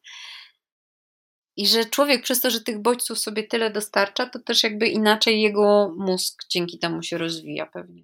Mhm. Jest, w ogóle przypomniałaś mi, jest takie konto na Instagramie. Kurczę, nie pamiętam jak się ten chłop nazywa, ale to jest yy, backpacker, osoba podróżująca z plecakiem, hiker, jakkolwiek ich nazywać. I on mówi do wszystkiego. No, do roślin, do nieba, do zwierząt, przeprowadza konwersacje. Jest niesamowicie zabawny w tym, ale jest tak prawdziwy. To nie jest w ogóle udawane. I w ogóle to jest też fajne, że dzięki temu człowiek się czuje taką, takim, wiesz, tylko elementem tego wszystkiego. I to jest super, bo ja myślę, że wszyscy jesteśmy jakoś tam powiązani. E, I że te energie przepływają swobodnie w momencie, kiedy właśnie człowiek jest w tej naturze. To jest ekstra. To tak samo jak z uziemianiem, bo też modne teraz uziemianie, e, czyli po prostu chodzenie boso. Mhm ale czytałam badania naukowe o tym, że ono naprawdę działa, tylko działa na zasadzie dosłownie tak jak masz uziemienie w domu, że po prostu stykasz się z ziemią, wtedy um, wolne elektrony z twojego ciała, czyli wolne rodniki, czyli elektrony, które powodują raka i starzenie się i tak dalej, jak po piorunochronie do tej ziemi sobie lecą, a z ziemi bierzemy naładowane ujemnie elektrony a cała, jakby wszystkie komputery, cała technologia i tak dalej, to są jony dodatnie, którymi, którymi my jesteśmy naświetlani. Więc jakby chodzenie boso, czy wykąpanie się w jeziorze, czy jakikolwiek taki właśnie kontakt z ziemią jest nam potrzebny i jest, są zaawansowane badania właśnie na temat tego, że wiele chorób środowiskowych wiąże się z tym, że my jesteśmy od tej ziemi oddzieleni metrem betonu, no w największym skrócie, mhm. żyjąc w miastach. Ciekawe, nie? Ciekawe. No, to tak mi daje do myślenia, że każdy z nas siedzi w takiej bańce percepcyjnej, tylko że ta bańka percepcyjna poza miastem jest o wiele szersza, jest w niej o wiele więcej miejsca. Mhm. Tak. No właśnie, ja nie chcę demonizować miasta, tylko, tylko to jest po prostu tak, że ktoś, kto nie ma kontaktu z naturą, naprawdę wiele traci. To mhm. tak jak każdy, kto ma, nie wiem, psa, powie, nie wiesz, co tracisz nie mając psa, bo to jest tyle radości, prawda? To jest tyle tak, tak. super, mega pozytywnych emocji każdego dnia, które ci dostarcza taki pies, że jeżeli ktoś tego nie ma, to po prostu no, nie wie, co traci. I tak samo jest z życiem w naturze, że jeżeli nie masz możliwości oglądania tych zachodów słońca i wschodów słońca i słuchania tego, jak cudownie szeleszczą liście, kiedy zasypiasz, i dotykania bosymi stopami trawy, na której jest rosa. To są takie rzeczy, które po prostu, czy chcesz, czy nie, automatycznie wywołują na twojej twarzy uśmiech. Mhm. Takie, takie biologiczne szczęście, takie poczucie, że jestem w dobrym miejscu i jestem bezpieczny. Yy, tak, więc ludzie, którzy jakoś nie lubią natury, a są tacy, yy, no, my, myślę, że nie wiedzą, co tracą. Aczkolwiek nie jest to takie rzadkie, bo jak czytałam w biografii Beksińskiego, to był on człowiekiem, który chciałby po prostu wyasfaltować cały świat i wychował się na który nienawidził. Nienawidził. Więc też bywają takie yy, bywają takie zjawiska. Jeszcze tak tylko dodam, zanim przejdziemy do kolejnego tematu, że przypomniało mi się, że e, chłop, o którym mówiłem, nazywa się Ryan Purvis przez V. na Instagramie. Gdybyś chciała, gdyby ktoś chciał zobaczyć, to polecam, bo jest to naprawdę taki bardzo pozytywny, ciepły kontent. Super. Przejdziemy trochę do książek twoich, Aha. E, do pisania. Y, twoje książki traktują o wyprowadzce na wieś. No to tak, wiem, że spłycam bardzo, ale tak, tak jest. Tylko, że moim zdaniem przede wszystkim pierwsza książka jest z zmianach życiowych, o dużych zmianach życiowych. I to jest taki poniekąd poradnik. I chciałem się zapytać, czy to się stało naturalnie, czy jednak zasługą jest tutaj twój kunszt pisarski, dziennikarski? Oczywiście. czy, ale czy to się stało naturalnie, że to jest o życiowych zmianach? Tak, że to jest coś więcej niż tylko Nie, no jasne. temat wsi. Nie, bo temat wsi, no to wiesz, możesz tak naprawdę dosyć krótko opisać. Ja w ogóle uważam, że to jest tak, że wszystkie piosenki są o miłości i wszystkie filmy tak naprawdę są o miłości. I wszystko, co nas interesuje, to, to inni ludzie. Mhm. I że zawsze to jest tak, że dobrze opowiedziana historia, dobry reportaż jest opowieścią o człowieku. Tak w swoim setnie. Więc logiczne było to, że po prostu jakoś opisując różne zagadnienia, które wiążą się z, z życiem na wsi, ja sobie dobierałam takich bohaterów, którzy jakoś to reprezentowali, ale głównie opowiadałam o nich, no bo też to była ich jakaś tam perspektywa. Mm, I myślę, że tak, to jest o życiowych zmianach. Tam jest jakoś, jak patrzę w ogóle na, na tę pierwszą książkę, yy, ona się nazywa Cisza i Spokój i to jest taki tytuł trochę hmm. ironiczny, yy, to muszę powiedzieć, że naprawdę uważam, że ona się nie zestarzała i jest aktualna i w ogóle w całym tym zalewie takiego słodkiego pierdzenia, y, hygge i tak dalej, to ona jest w ogóle zupełnie, zupełnie o czymś innym. Mhm. Mm, bo tam są oczywiście rady, ale ona jest głównie właśnie o, o, tym, żeby po prostu mieć tą odwagę postawić na siebie i, i y, nie czekać ze spełnianiem swoich marzeń, tylko po prostu robić to. Mhm. To chyba tak. Jakbyś ty miała powiedzieć, bo tak jak, się, tak jak słucham, słuchałem rozmów z tobą, to jeżeli pytano o książkę, to pytano o ludzi, z którymi ty rozmawiałaś, o, o ich historiach, o poleceniu miejsc, o które, które miejsca ci się najbardziej podobały i tak dalej, i tak dalej. A ile ty uważasz, ciebie jest w tej książce? Wiadomo, że ty ją napisałaś, ale jednak treść jest, dotyczy osób, z którymi rozmawiałaś. A, ale tak osobiście, ile ciebie jest w tej książce? Bardzo dużo. Ja tam w ogóle wsadziłam całe serce, wszystkie trzewia wyszarpane przez rok pisania jej. Całą moją wiedzę, całe, mm, całą też moją zmianę życiową i, i wszystko to, co czułam, tam jest. To jest bardzo dużo, bardzo. A jak wygląda twoje takie modus operandi pisarskie? To znaczy, jak siadasz do pisania, to y, piszesz na tak zwanym flow, i potem siadasz jeszcze raz na trzeźwo, rzemieślniczo, tak poprawiając jakieś tam, e, jakieś tam wyskoki swoje z wcześniejszej sesji pisarskiej? Czy, czy właśnie tak metodycznie podchodzisz do pisania, że, że rozpisujesz sobie wcześniej wszystko? Tak, takie pytanie techniczne trochę. No dobra, to, to przede wszystkim. nie, ja to raczej mam, mam tak, że mam flow. Ja bardzo dużo myślę zanim zacznę pisać. I y, rozmyślam, rozmyślam, rozmyślam, układam sobie wszystko w głowie, siadam i piszę.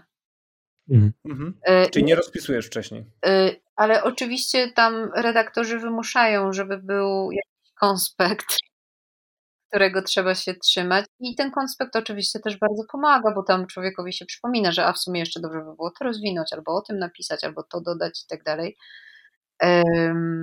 Więc jakaś taka struktura zawsze jest, i w ramach tej struktury jest mm, improwizacja.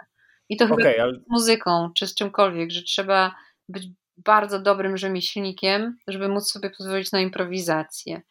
I tak samo jest z pisaniem, że trzeba mieć te ramy i trzeba jednak po prostu się do tego zmuszać i przychodzić do pracy i siadać do pracy, żeby sobie tak lecieć wolno. Mhm. Ale na przykład dla mnie też y, zupełnie inaczej zaczęłam do pracy podchodzić jakoś, no już parę lat temu właściwie, jak, jak głównie zaczęłam pracować z domu, że w momencie, kiedy nie idziesz do pracy, tylko po prostu wykonujesz tą pracę, to nagle mm, ja mam wrażenie, że się stałam o wiele bardziej wydajna, bo wiedząc, że to nie jest tak jak w niektórych redakcjach, że w sumie czy masz coś do zrobienia, czy nie masz coś do zrobienia, to musisz wysiedzieć te 8 godzin.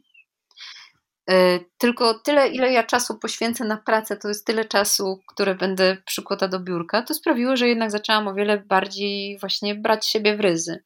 I teraz mam tak, że jeżeli mam coś do napisania, a aktualnie jestem właśnie w, w procesie pisania kolejnej książki, to, yy, to ja mam tak, że muszę wyjść do pracy.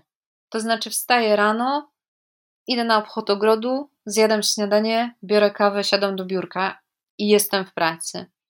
I to nie może być tak, że może później, może przy okazji, może wieczorem. Nie, po prostu to musi być praktycznie pierwsza rzecz, którą ja zrobię rano, bo inaczej wiem, że już nic z tego nie wyjdzie. Yy, I to jest chyba taka naj, najważniejsza dla mnie jakaś taka, jeżeli chodzi o etos pracy, rzecz, że że ja muszę od rana zacząć pracować, bo inaczej to już wiem, że tam pójdę, będę pomidory opryskiwać, mhm. albo stwierdzę, a w sumie to miałam podjechać do sklepu, to jeszcze zahaczę o paczkomat, coś tam. I nagle się robi 14 i koniec. A to flow takie pisarskie przychodzi do ciebie właśnie w tych porannych godzinach? Czy, czy to jest coś, do czego musiałaś się zmusić i troszeczkę sobie prze, yy... zrekonstruować, że tak powiem, plan dnia? Nie, ono w ogóle przychodzi do mnie w porannych godzinach. Kiedyś mam wrażenie, że ono było o wiele bardziej takie no takie bardziej bym powiedziała na speedzie, to znaczy tak, że ja mhm. Y, w różnych porach pracowałam, bo w ogóle Kiedyś jeszcze pracowałam w telewizji informacyjnej i tam byliśmy w systemie zmianowym, więc ja chodziłam do pracy na czwartą rano, albo na jedenastą, albo na wieczór, albo na nocki. I miałam mhm. kompletnie rozstrojony organizm, w związku z tym non-stop funkcjonowałam na kofeinie. I tych kaw piłam strasznie dużo, więc człowiek był taki nakręcony, nakręcony i wtedy w ogóle leciało to wszystko.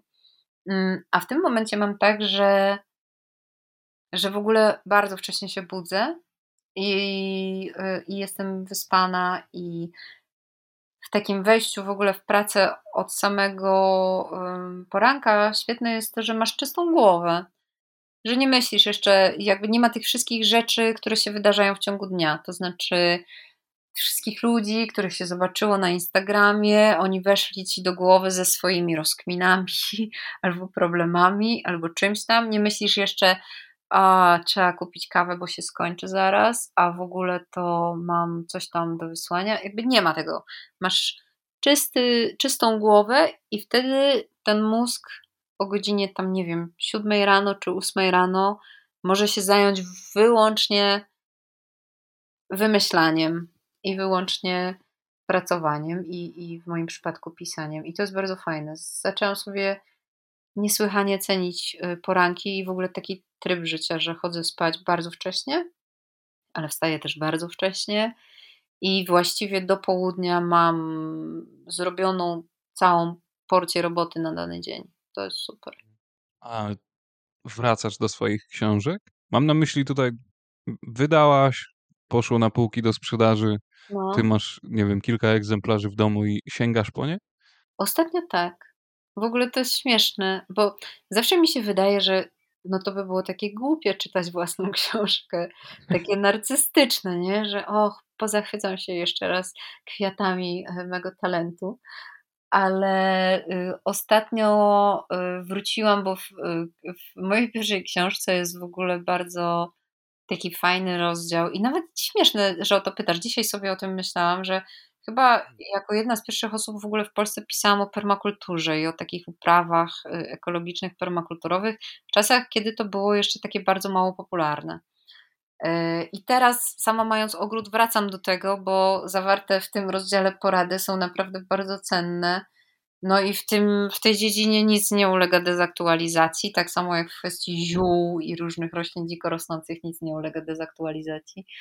Więc e, do tego wracam. No, moja, moja książka ostatnia, czyli Rozmowy przy stole, z kolei jest e, najeżona przepisami i powiem szczerze, że to mhm. jest też takie dziwne robić przepisy z własnej książki, ale zdarza mi się to często, bo one są naprawdę bardzo fajne i dlatego je mhm. wybrałam, że są fajne, więc w sumie czemu miałabym tego nie robić? E, ale tak, jest to jakieś takie y, zabawne.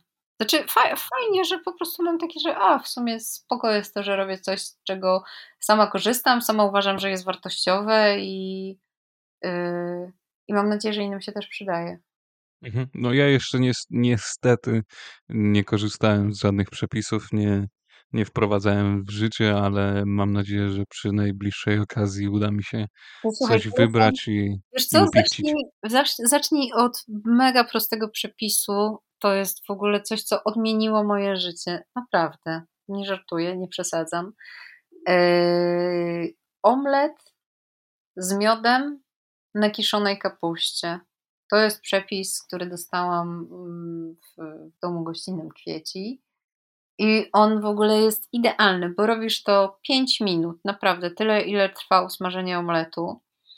Kładziesz kiszoną kapustę, na to dajesz płynny miód, na to dajesz ten omlet. Można sobie też polać jakąś tam, nie wiem, oliwą, jeżeli masz, albo, yy, albo czymś tego typu, posypać szczypiorkiem. Natomiast to jest smak, który ma w sobie i kwaśność, i słodycz, i jest w tym kiszonka, i jest w tym białko z tego omletu, więc jest kompletnym posiłkiem, który może być spokojnie tak zwanym lunchem, a w ogóle nie wymaga pracy. Ja na tym jechałam hmm. przez całe lato, dwa lata temu, bo akurat tak było, że miałam bardzo dużo pracy, niespecjalnie chciało mi się gotować i po prostu dzień w dzień jadłam ten omlet i mi się nie znudził, więc polecam bardzo.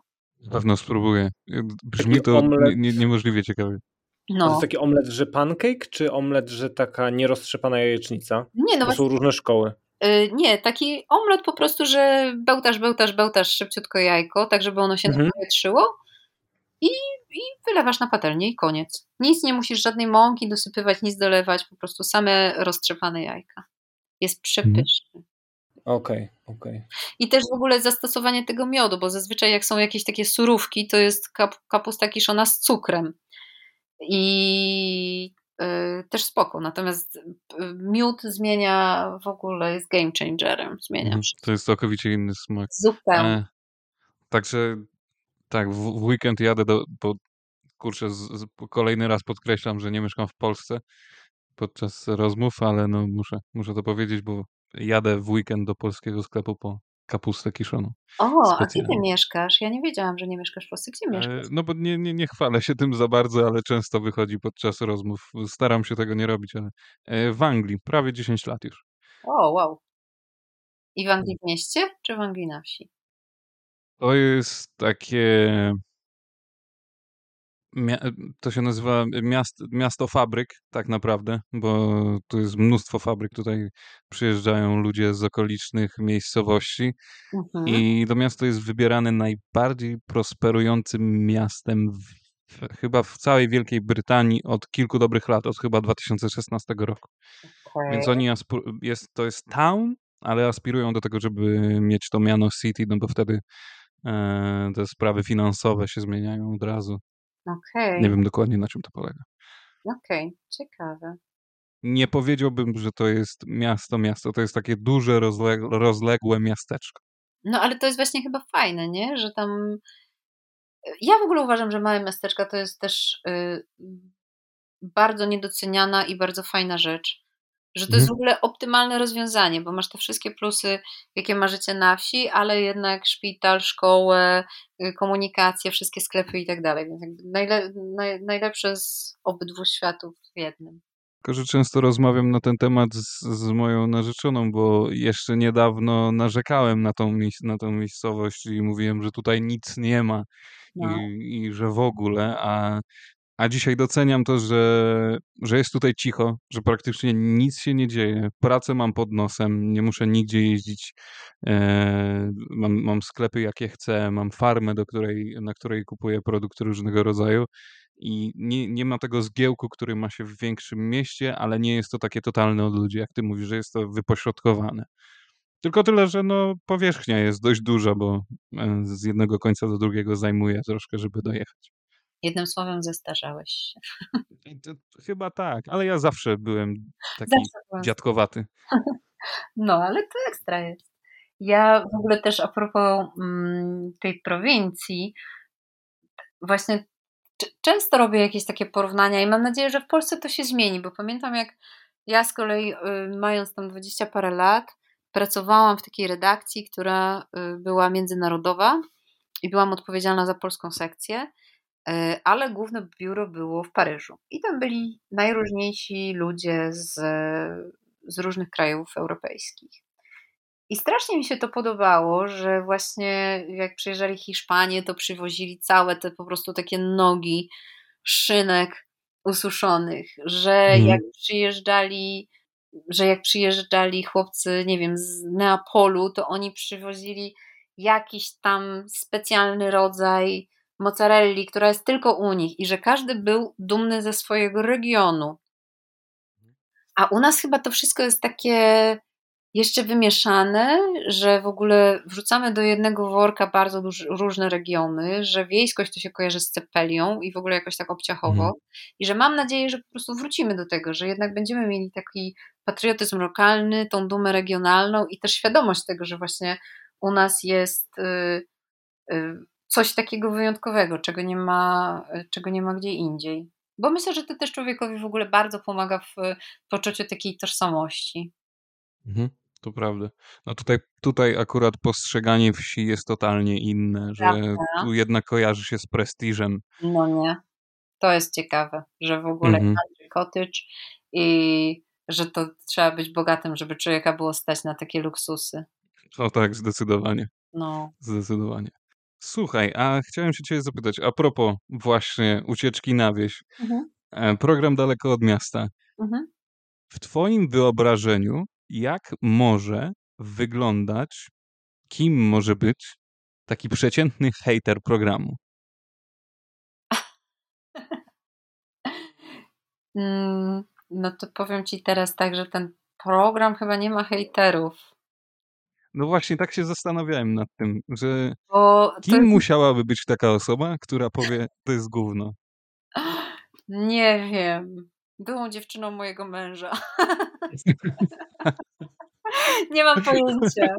Nie mam pojęcia. No kimś, kto naprawdę mnie chyba osobiście bardzo nie lubi, bo bo... To by miało więcej sensu. W sensie nie, nie, nie że ja mam jakiś problem z tą osobą, tylko że bardziej bym to zrozumiał, niżeli y hejtowanie programu.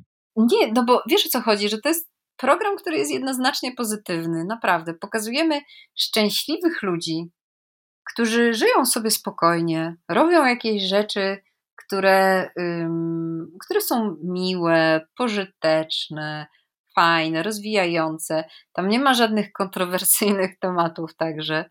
Więc w ogóle mi się wydaje, że, yy, że ten program nie ma, yy, nie, nie ma hejterów. Nie ma hejterów. Chyba, że jakiś takich, którzy właśnie mówią, że pani prowadząca to tam coś tam. Wręcz przeciwnie. Mam, mam bardzo dużo właśnie takich głosów, że ludzie, którzy są bardzo zmęczeni tempem życia i też taką, takim temper, tempem narracji telewizyjnej, która jest bardzo szybka, bardzo agresywna. I bardzo często jest tak, że w programie y, główną gwiazdą jest prowadzący ten program i nie mhm. oddaje głosu innym. No to Daleko od miasta jest programem, który im daje taki, wiesz, takie wytchnienie, takie od razu mhm. zwolnienie. Ale ja teraz będę z Tobą całkowicie szczery. Jakoś miesiąc temu, półtora miesiąca temu byłem w Polsce na kilka dni mhm. i pierwszy raz miałem styczność z telewizją od kilku dobrych lat, mhm. bo w, w domu takowej nie posiadam. I e, leciał Domo, Domo Plus, dobrze mówię? To jest ten kanał? Tak, tak. On się teraz nazywa Kanal Plus Domo, ale tak, Domo Plus. No i właśnie e, le, leciał twój program i byłem zauroczony tobą, tym programem i mówię, kurczę, chciałbym z tobą porozmawiać i, i zacząłem robić małe śledztwo, mały stalking. No to ekstra. No bardzo, bardzo, bardzo się cieszę. W ogóle to jest też ciekawe, ja dostaję dużo takich bardzo wzruszających wiadomości od ludzi, którzy mieszkają gdzieś daleko poza Polską, na przykład od y, 30 lat w Kanadzie.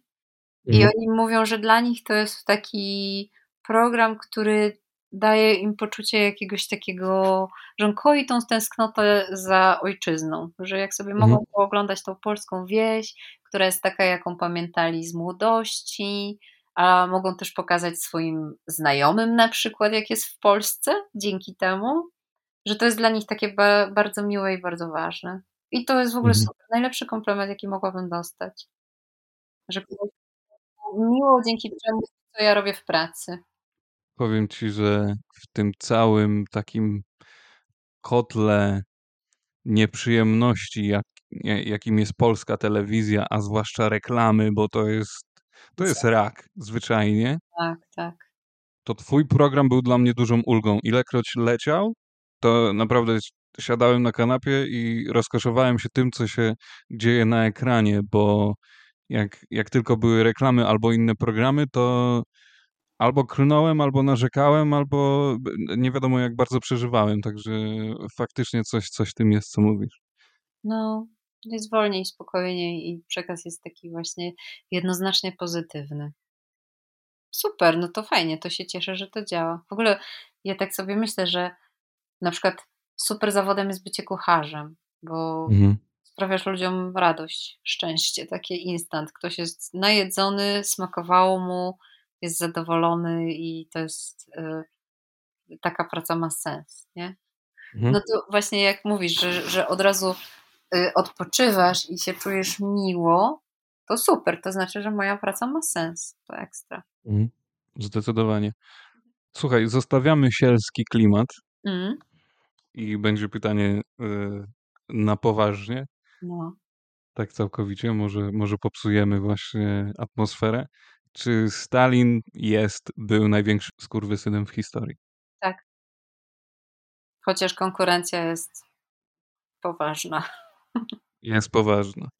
Ale no tak, w ogóle też śmiesznie, bo ja wiem, jak to w ogóle zabrzmi najgorzej, ale totalitaryzmy to mój konik.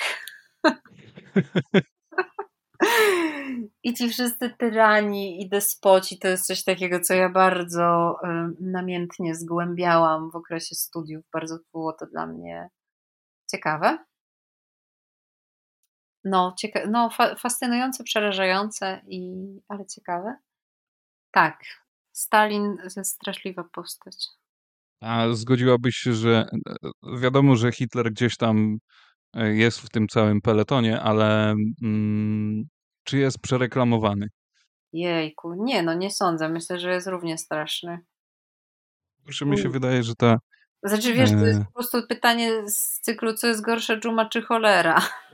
No ja wiem, ja wiem, ale chodzi mi o to, że właśnie, że też w telewizji jest tyle tego Hitlera. Któryś z gości naszych, a nie, to Rysiek, czyli e, jeden z, prowadzących powiedział, że ma taką teorię, że zawsze w telewizji na jakimś kanale musi lecieć program o Hitlerze. I mam wrażenie, że trochę już go jest za dużo, że jest taki przehajpowany. Wiesz, ja w ogóle myślę, że to mm, coś w tym jest, ale że to też w ogóle prowadzi do jakiegoś takiego zbanalizowania problemu. Mhm. Bo, no bo właśnie często jest tak, że jakąś tam opresję porównuje się do tego, nie? Że mówi się, e, kurde, coś tam tego, ten to się zachowuje jak jakiś Hitler. Jakby nie myśląc o tym, że to jest człowiek i ideologia odpowiedzialna za śmierć 6 milionów ludzi. Mhm. Dobrze mówię? Że to jest, wiecie, mhm. obraźliwe po prostu dla tych ofiar, żeby porównywać to, że pani na matematyce cię usadziła do kąta, nie? A tak się zdarza. Mhm. I że przez to w ogóle, że się właśnie tak o tym mówi, to wszystko ulega jakiejś banalizacji. Mm. No. Ale może z drugiej strony to jest jakiś ten, nie wiem, system pokoleniowego leczenia się, że dla naszych dziadków to po prostu był temat absolutnie tabu.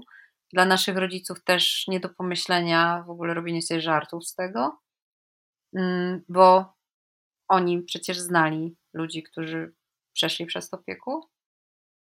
A dla nas to i to się tak coraz bardziej rozwadnia i rozwadnia i rozwadnia. I oczywiście istotne jest y, niezapominanie o tej historii i chociażby w kontekście tego, co się dzieje teraz w Ukrainie, po prostu niedopuszczanie do tego, żeby takie mhm. tragedie mm, znów miały miejsce, ale to jest chyba zdrowe. No tak samo jak nasi dziadkowie nie przejmowali się czymś, co się działo w, podczas rabacji chłopskich, prawda?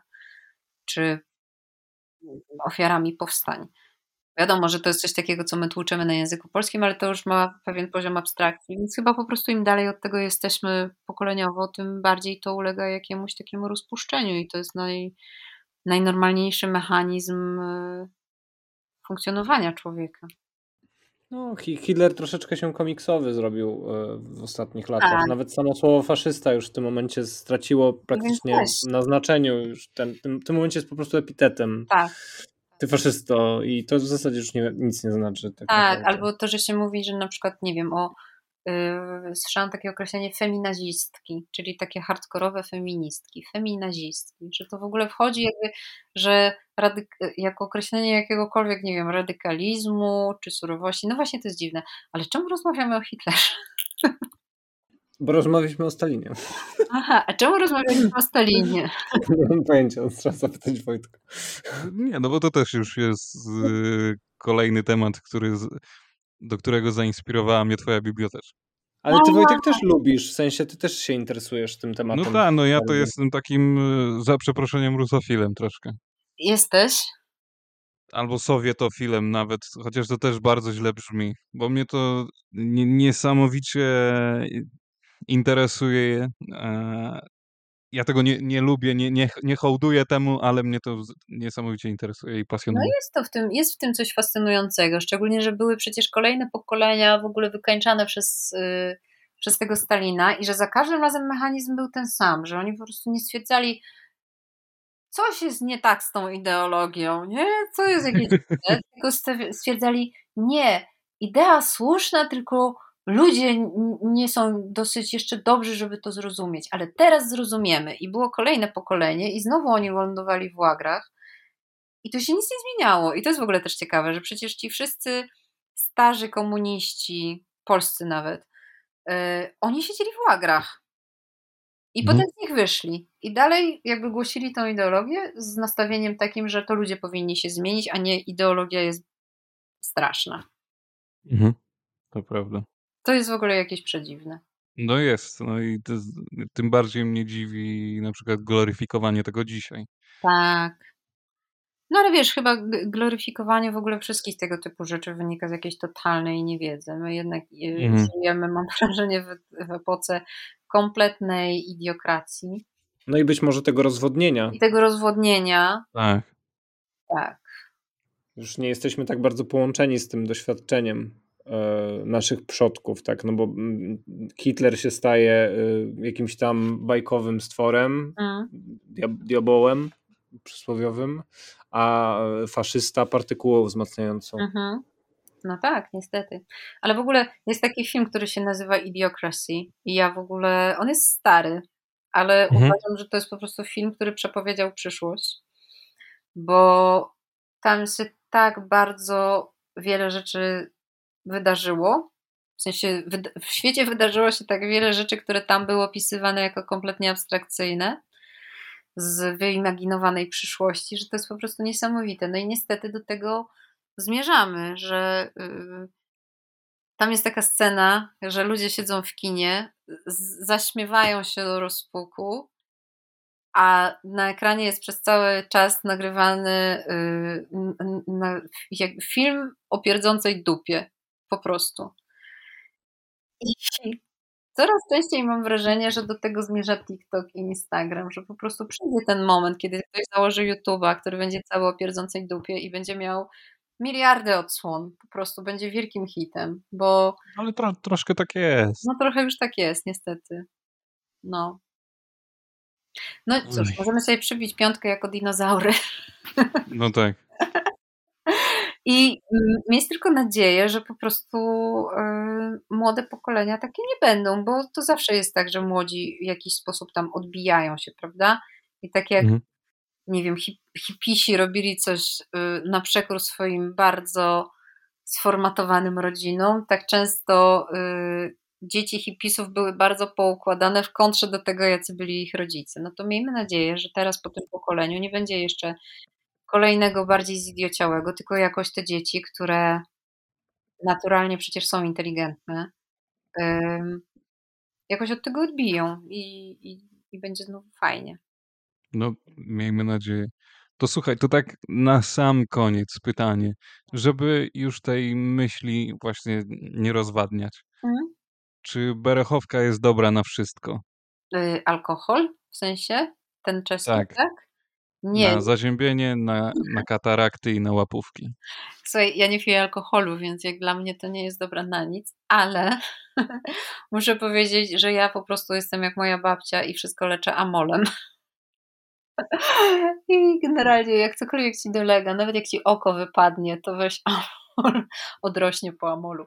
Nie, żartuję, ale y, ciężko mi powiedzieć, jak to jest wywroką, natomiast y, wszelkie takie ziołowe roztwory i na bóle, i na lumbago, i na przeziębienia na pewno y, bardzo pomagają. Natomiast no alkoholu nie pijcie. Alkohol to trucizna. Dobrze, to, to zapamiętajmy sobie wszyscy, żeby nie pić alkoholu. Tak jest. Wiktor, Wiktor ty nie pij alkoholu przede ja wszystkim. Nie ja nie piję alkoholu. Nie, ty się przyznaj, że lubisz. Ja naprawdę nie lubię.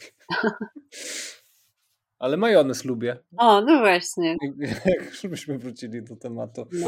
To, to, jak tutaj jesteśmy we trójkę, yy, najważniejsza, yy, najważniejsza wojna musi być rozwikłana, mm. rozwiązana. Kielecki czy winiary? Kielecki. Kielecki.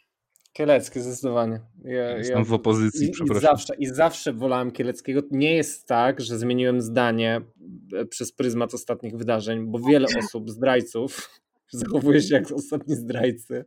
Teraz się odwrócili od Winiarego, a zawsze byli poplecznikami, więc ja zawsze byłem za Kieleckim. Tak, Kielecki, Kielecki ma taki ostrzejszy smak, jest super. Tak, tak, ma więcej musztardy trochę. Taki tłuszcz ubełtany w słoiku. Mhm. Tak, mm. tak, tak. Ewentualnie napoleoński, Mosso, bo to jest dla mnie taka bardziej stonowana wersja winiarego. Mm. No, no i tyle. to są moje. To a, to a przy biednych moje... czasach Splendido z Biedronki. to nie, to może być. Może być.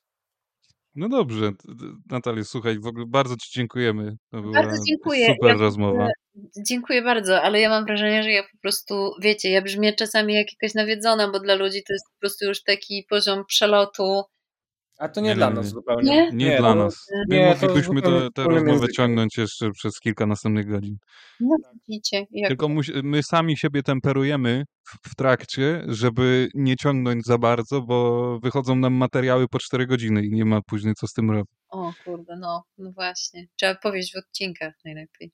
Dokładnie. No. Ale tak, słuchajcie, natomiast jeżeli myślicie o wyprowadzeniu się na wieś, to ja bardzo polecam. Uważam, że w dzisiejszych czasach, kiedy właśnie wszystko przywiezie ci kurier, można pracować zdalnie i tak większość ludzi to, to robi i ostatnie dwa lata nas przyzwyczaiły do tego, także dla nikogo to nie jest jakieś szokujące. Mhm. Y, to naprawdę wszystko da się ogarnąć i wsie też bardzo się rozwinęły i na wsiach jest wszystko, czego chcesz. I o wiele lepiej i o wiele bardziej to jest dostępne, bo jest mniej ludzi, którzy chcą z tego skorzystać. No pewnie. I serio, a wolność po prostu nieporównywalna. W dzisiejszym podcaście to już wszystko. Jeżeli nagranie przypadło Ci do gustu, zostaw komentarz. Jeżeli nie przypadło, również zostaw komentarz. Prosimy o suby, lajki i inne dzwonki, które pozwolą nam rozwinąć skrzydła. Dzięki!